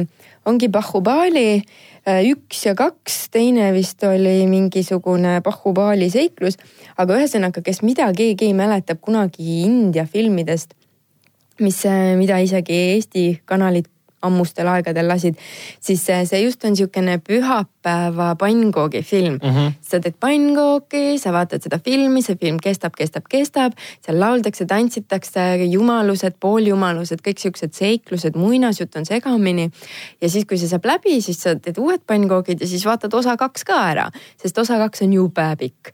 Ja noh, mitte nii meelelahutuslik kui esimene osa, aga ma arvan, et see on päris mõnus ma vaatan, et nad on kõik sama pikad tegelikult. Ei ole, teine peaks pikem kaks olema. kolmkümmend üheksa on esimene ja kaks nelikümmend viis on teine no näed Wow. kaks neli. esimese nimi on siis Bahubali The Beginning ja teise nimi on Bahubali kaks The Conclusion, esimest me nägime kõik. Väga originaalsed alapealkirjad. me kõik kolmekesi nägime esimest filmi ka. PÖFFil. ja, ja siis oli vist üks produtsent oli äkki mind ei olnud siin. sellel seansil, nii et ärge, ärge tehke ajalugu ümber. igastahes üks nendest filmiprodutsentidest oli siin ja siis ta tookord juba rääkis, et ja, ja tuleb kaks küll ja no näed, kaks tuli nüüd Netflixi otsa, et mm..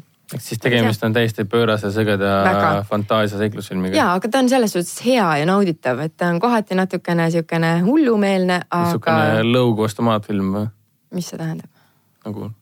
asfalt, sa mõtlesid seda ei, nagu ei mitte näoga mööda asfalti või? no selline film, et nagu suu lahti ja. no natukene küll jah ei, mitte nii nagu heas mõttes, pigem. ei, ma mõtlengi, see ongi heas mõttes jah. okei, okei, noh jah, järelikult nii, Ragnar, mis, mis, mis siis veel Netflixis saame näha? Äh, Netflixi, see on see Highwayman jõuab siis kahekümne üheksandal märtsil, kahekümne üheksandal märtsil jõuab ka esimene Spider-man Sam Raimi. äh, film Spider-man kolm jõuab näiteks sinna, siis jõuab sinna um, Edgar Wrighti Baby Driver. ja seda tasub kindlasti see on väga vaadata. äge, siis jõuab äh, Mark Wahlbergi ja siis Will Ferrelli väga äge krimikomöödia The Other Guys. siis jõuab klassikaline western esimesel aprillil Silverado. Siis jõuab näiteks Girl Interrupted, Jaa, klassikaline film Winona. Ryderi ja siis, siis Angelina Jolie'ga Jolie. mida peaks igaüks vaatama ja siis jõuab esimesel aprillil, mis mulle väga meeldib, mis on Amazon Video Prime'is tegelikult ammu üleval. Last Action Hero, see on siis äh, Schwarzeneggeri film, Ja- mis kriitikutele üldse ei meeldinud, aga ma jumaldan see oli ju äh, meie lemmik John, äh, John McTiernani film. Film, üks, üks jah, sama mees, kes tegi siis esimese, esimese tulnuk, tulnuk või? esimese kiskja esimese kiskefilmi ja Die Hardi. Ja esimese Die Hardi täpselt. Ja ma ei tea, ja kolmanda Die Hardi ka. Ja. Ja tema, see on siis see film, kus, see on ka film filmis, kus Ahah. väike poiss läheb siis äh, maagilise kinopiletiga kinno ja vaatab seal ühe siis äh, Schwarzeneggeri tegelaskuju, kes on action staar filmi mm -hmm. ja satub tema maailma. Ja ühel hetkel tuleb siis ähm, see action staar oma maailmast, kinomaailmast siis reaalsusesse ja reaalsuses on kõik asjad tema jaoks palju keerulisemad, et löögid ei ole nii tugevad ja enam, tulistamine pole nii lihtne, sest reaalsuses on nagu teised gravi,, gravitatsioon töötab reaalselt. see ongi loodud umbes niimoodi, et action filmis on action filmi reeglid, aga päriselus on asjad keerulisemad. ja ma mäletan seda tegelikult hästi, seda sai mitu korda televisiooni vahendusel vaadatud. hea, et sa seda ütlesid, et ma kindlasti vaatan teda uuesti, et mul on ainult väga positiivsed mälestused sellest filmist. Millest on veel positiivsed mälestused ja jõuab esimesel aprillil äh, Netflixi on Secret Window, mis Johnny on Depp. äh, Johnny Deppi õudusfilm kirjanikust boy., kirjanikust, kes läheb oma äh, lugu lõpetama, oma romaani lõpetama, aga ei saa seda teha, sest üks äh, John Turturro, keda me juba mainisime, lööb kaasa siis ka Gloria filmi ees, ilmub talle ukse taha ja ütleb talle, et sa varastasid minu loo. ja sealt hakkab lahti hargnema selline väga huvitav Kuidas lugu ta-, psühholoogiline lugu jälle seal. oli see, kuidas ta ütles ka mitu korda. You stole my story. ja, ja tegi nii oligi. ja kui ma nüüd eksin, selle filmi režissöör oli David Coep, David ehk siis tuntud Hollywoodi stsenarist. kes on üks rikkamaid Hollywoodi stsenariste, kus kunagi vist on olnud. kui Coep midagi kohe ütles, siis Coep lavastas ka Joseph, Joseph Gordon-Levittiga, Lewittiga suhteliselt toreda äh, rattaralli filmi nagu Premium Rush, mida ma alles hiljuti uuesti vaatasin ja läbi lõhki täiega nautisin. ma üldse ei mäletanudki, et ta mulle nii väga meeldis. no ta See tegi oli ju see- selle Kevin Baconiga õudusfilmi ka, lavastas sellesama. Stirra Vekos või? hauatagune kaja. Hautagune Kaja täpselt ei no Coep on üldse väga tuntud äh, stsenarist, ta ju kirjutas ka selle David Fincheri filmi. Jodie Fosteriga ja Ah, noore Kristen Stewartiga. kus Nicole Kidman pidi esialgu mängima ähm,. Panic Room. Panic Room, täpselt nii. Jodie, jah, täpselt ja Forrest Whitaker ja, ja Jared Leto oli ka seal. oli, oli. täpselt jah. huvitav, kui inimesed räägivad David Fincherist, siis keegi kohe ei mõtle Panic Roomi. pigem see, et sa ei mõtle game'i peale. just nagu see Panic Room on väga tema. ei no game on pigem teema, aga it, it's, it's game, sest noh okay,, I m game okay.. aga Netflixi jõuab veel Ultraman, mis on klassikaline Jaapani äh, tegelaskuju, kellest on mitmeid animatsioone tehtud, me kõik oleme kindlasti mingil kujul seda näinud. selle esimene hooaeg äh, tuleb nüüd esimesel aprillil äh, Netflixi. värske, värske kuue saanud animefilm, animeseriaal tähendab. aga ma vaatan, et ka M. Night Shyamalani üks esimestest äh, stsenaariumi äh, esimestest stsenaariumi katsetutest jõuab ka Netflixi. jah, täitsa, täitsa, täitsa tõsi. selle filmi nimi on äh, Stuart Little ehk siis Hiireke Stuart Little. jah, Eesti kinodel seal oli kaks osa ja kus siis Michael J Fox oli. Ehk siis see on Jaa. täpselt nii, ehk siis see on väga. andis hääle hiirele, kes Vä- siis äh, lapsendatakse lastekodust ja perekond, kus on siis Gina Davis ja Hugh Laurie äh, võtavad ta enda juurde ja üritavad siis äh, kok- kokku sobitada seda ebatavalist perekonda. Okei see on- okay,, see on maailm, kus hiire lapsendamine on okei okay.. ja ehk siis, kui sa vaatad seda filmi esmakordselt, siis umbes pool filmi pead selle, selle, selle faktiga nagu äh, aru, aktsepteerima seda fakti, et see on okei okay. kahjuks selle filmi lõpus ei ole sellist suurt twisti või pööret, nagu me oleme M. Night Shyamalani filmidest nagu harjunud, et lõpus ei tule välja, et see on keegi lõi pea hiire ära,, hiire õudusunenägu kuskil kingakarbis, kus ta on vaikselt suremas või midagi et laadset. äh, kallis kuulaja, see vastab täitsa tõele, et M. Night Shyamalan, meie armastatud õudusmeister, kes hiljuti tuli äh, kinofilmiga The Glass ehk siis Glass, ongi just nimelt Hiireke Stuart Little üks stsenaristidest, mis on väga, väga fun fact nii-öelda. lisaks jõuab Netflixi ka film nimega Christine, mis on siis äh, John Carpenteri lavastatud ja põhineb, põhineb Stephen Kingi samanimelisel romaanil, mis põhimõtteliselt räägib siis äh,, kuidas nüüd öelda, Plymouth Fury'st, tuhande üheksasaja viiekümne kaheksanda aasta autost, mis, mille ümber ja mille sees hakkab kummalised asjad juhtuma, sest see auto hakkab inimesi äh, tapma ok. see on Carpenteri oma ja ka kellele Carpenteri stiil meeldib ja mulle meeldib, see peaks väga hästi sobima. ja viimase soovitusena, aga meil ei olegi viimaseid soovitusi. see oligi Ongi viimane. aga vot saimegi otsad kokku tõmmata mm, Mhm. -hmm. et äh, tuli eelmisest saatest veidike pikem saade, aga oli ka rohkem juttu äh, filmidest ja seerialidest ja kõigest. Oli tore. oli, oli, oli ta taas väga tore sinuga vend ja sinuga, Helen. ja sinuga ka. ja nii Ja nagu nii, aitäh. Ja minuga. aitäh, ja nende ja ja viieteistkümne teise inimesega ka, kes siin ruumis praegu on. kogu selle aja meiega. ma olen, ma olen ainuke, kes neid näeb praegu muidugi aa, okei, see on, see on see M. Night Shyamalani twist jah wow.. twist on see, et mind ei olegi tegelikult siin. olen Ragnar räägib topelt nagu ikka, vaata. ja, see on see M. Night Shyamalani split ehk siis lõhestunud, et siis Jah. üks isiksus räägib. mm. -hmm. Ragnaril on üks mees seal, üks naisel. tead, ma olen siin stuudios lihtsalt üksi ja teen kõiki kolme häält korraga. sa oled nii tubli, sa oled nii osav. What a twist. aga selge kutsume, kutsume saate saateks ja, ja minuga koos siin saates, nii nagu eelmistel ja loodetavasti ka tulevastel olid, olid Helen Ciao, paka. ja, ja Hendrik tšau. ja mina olin Ragnar ja järgmise korrani.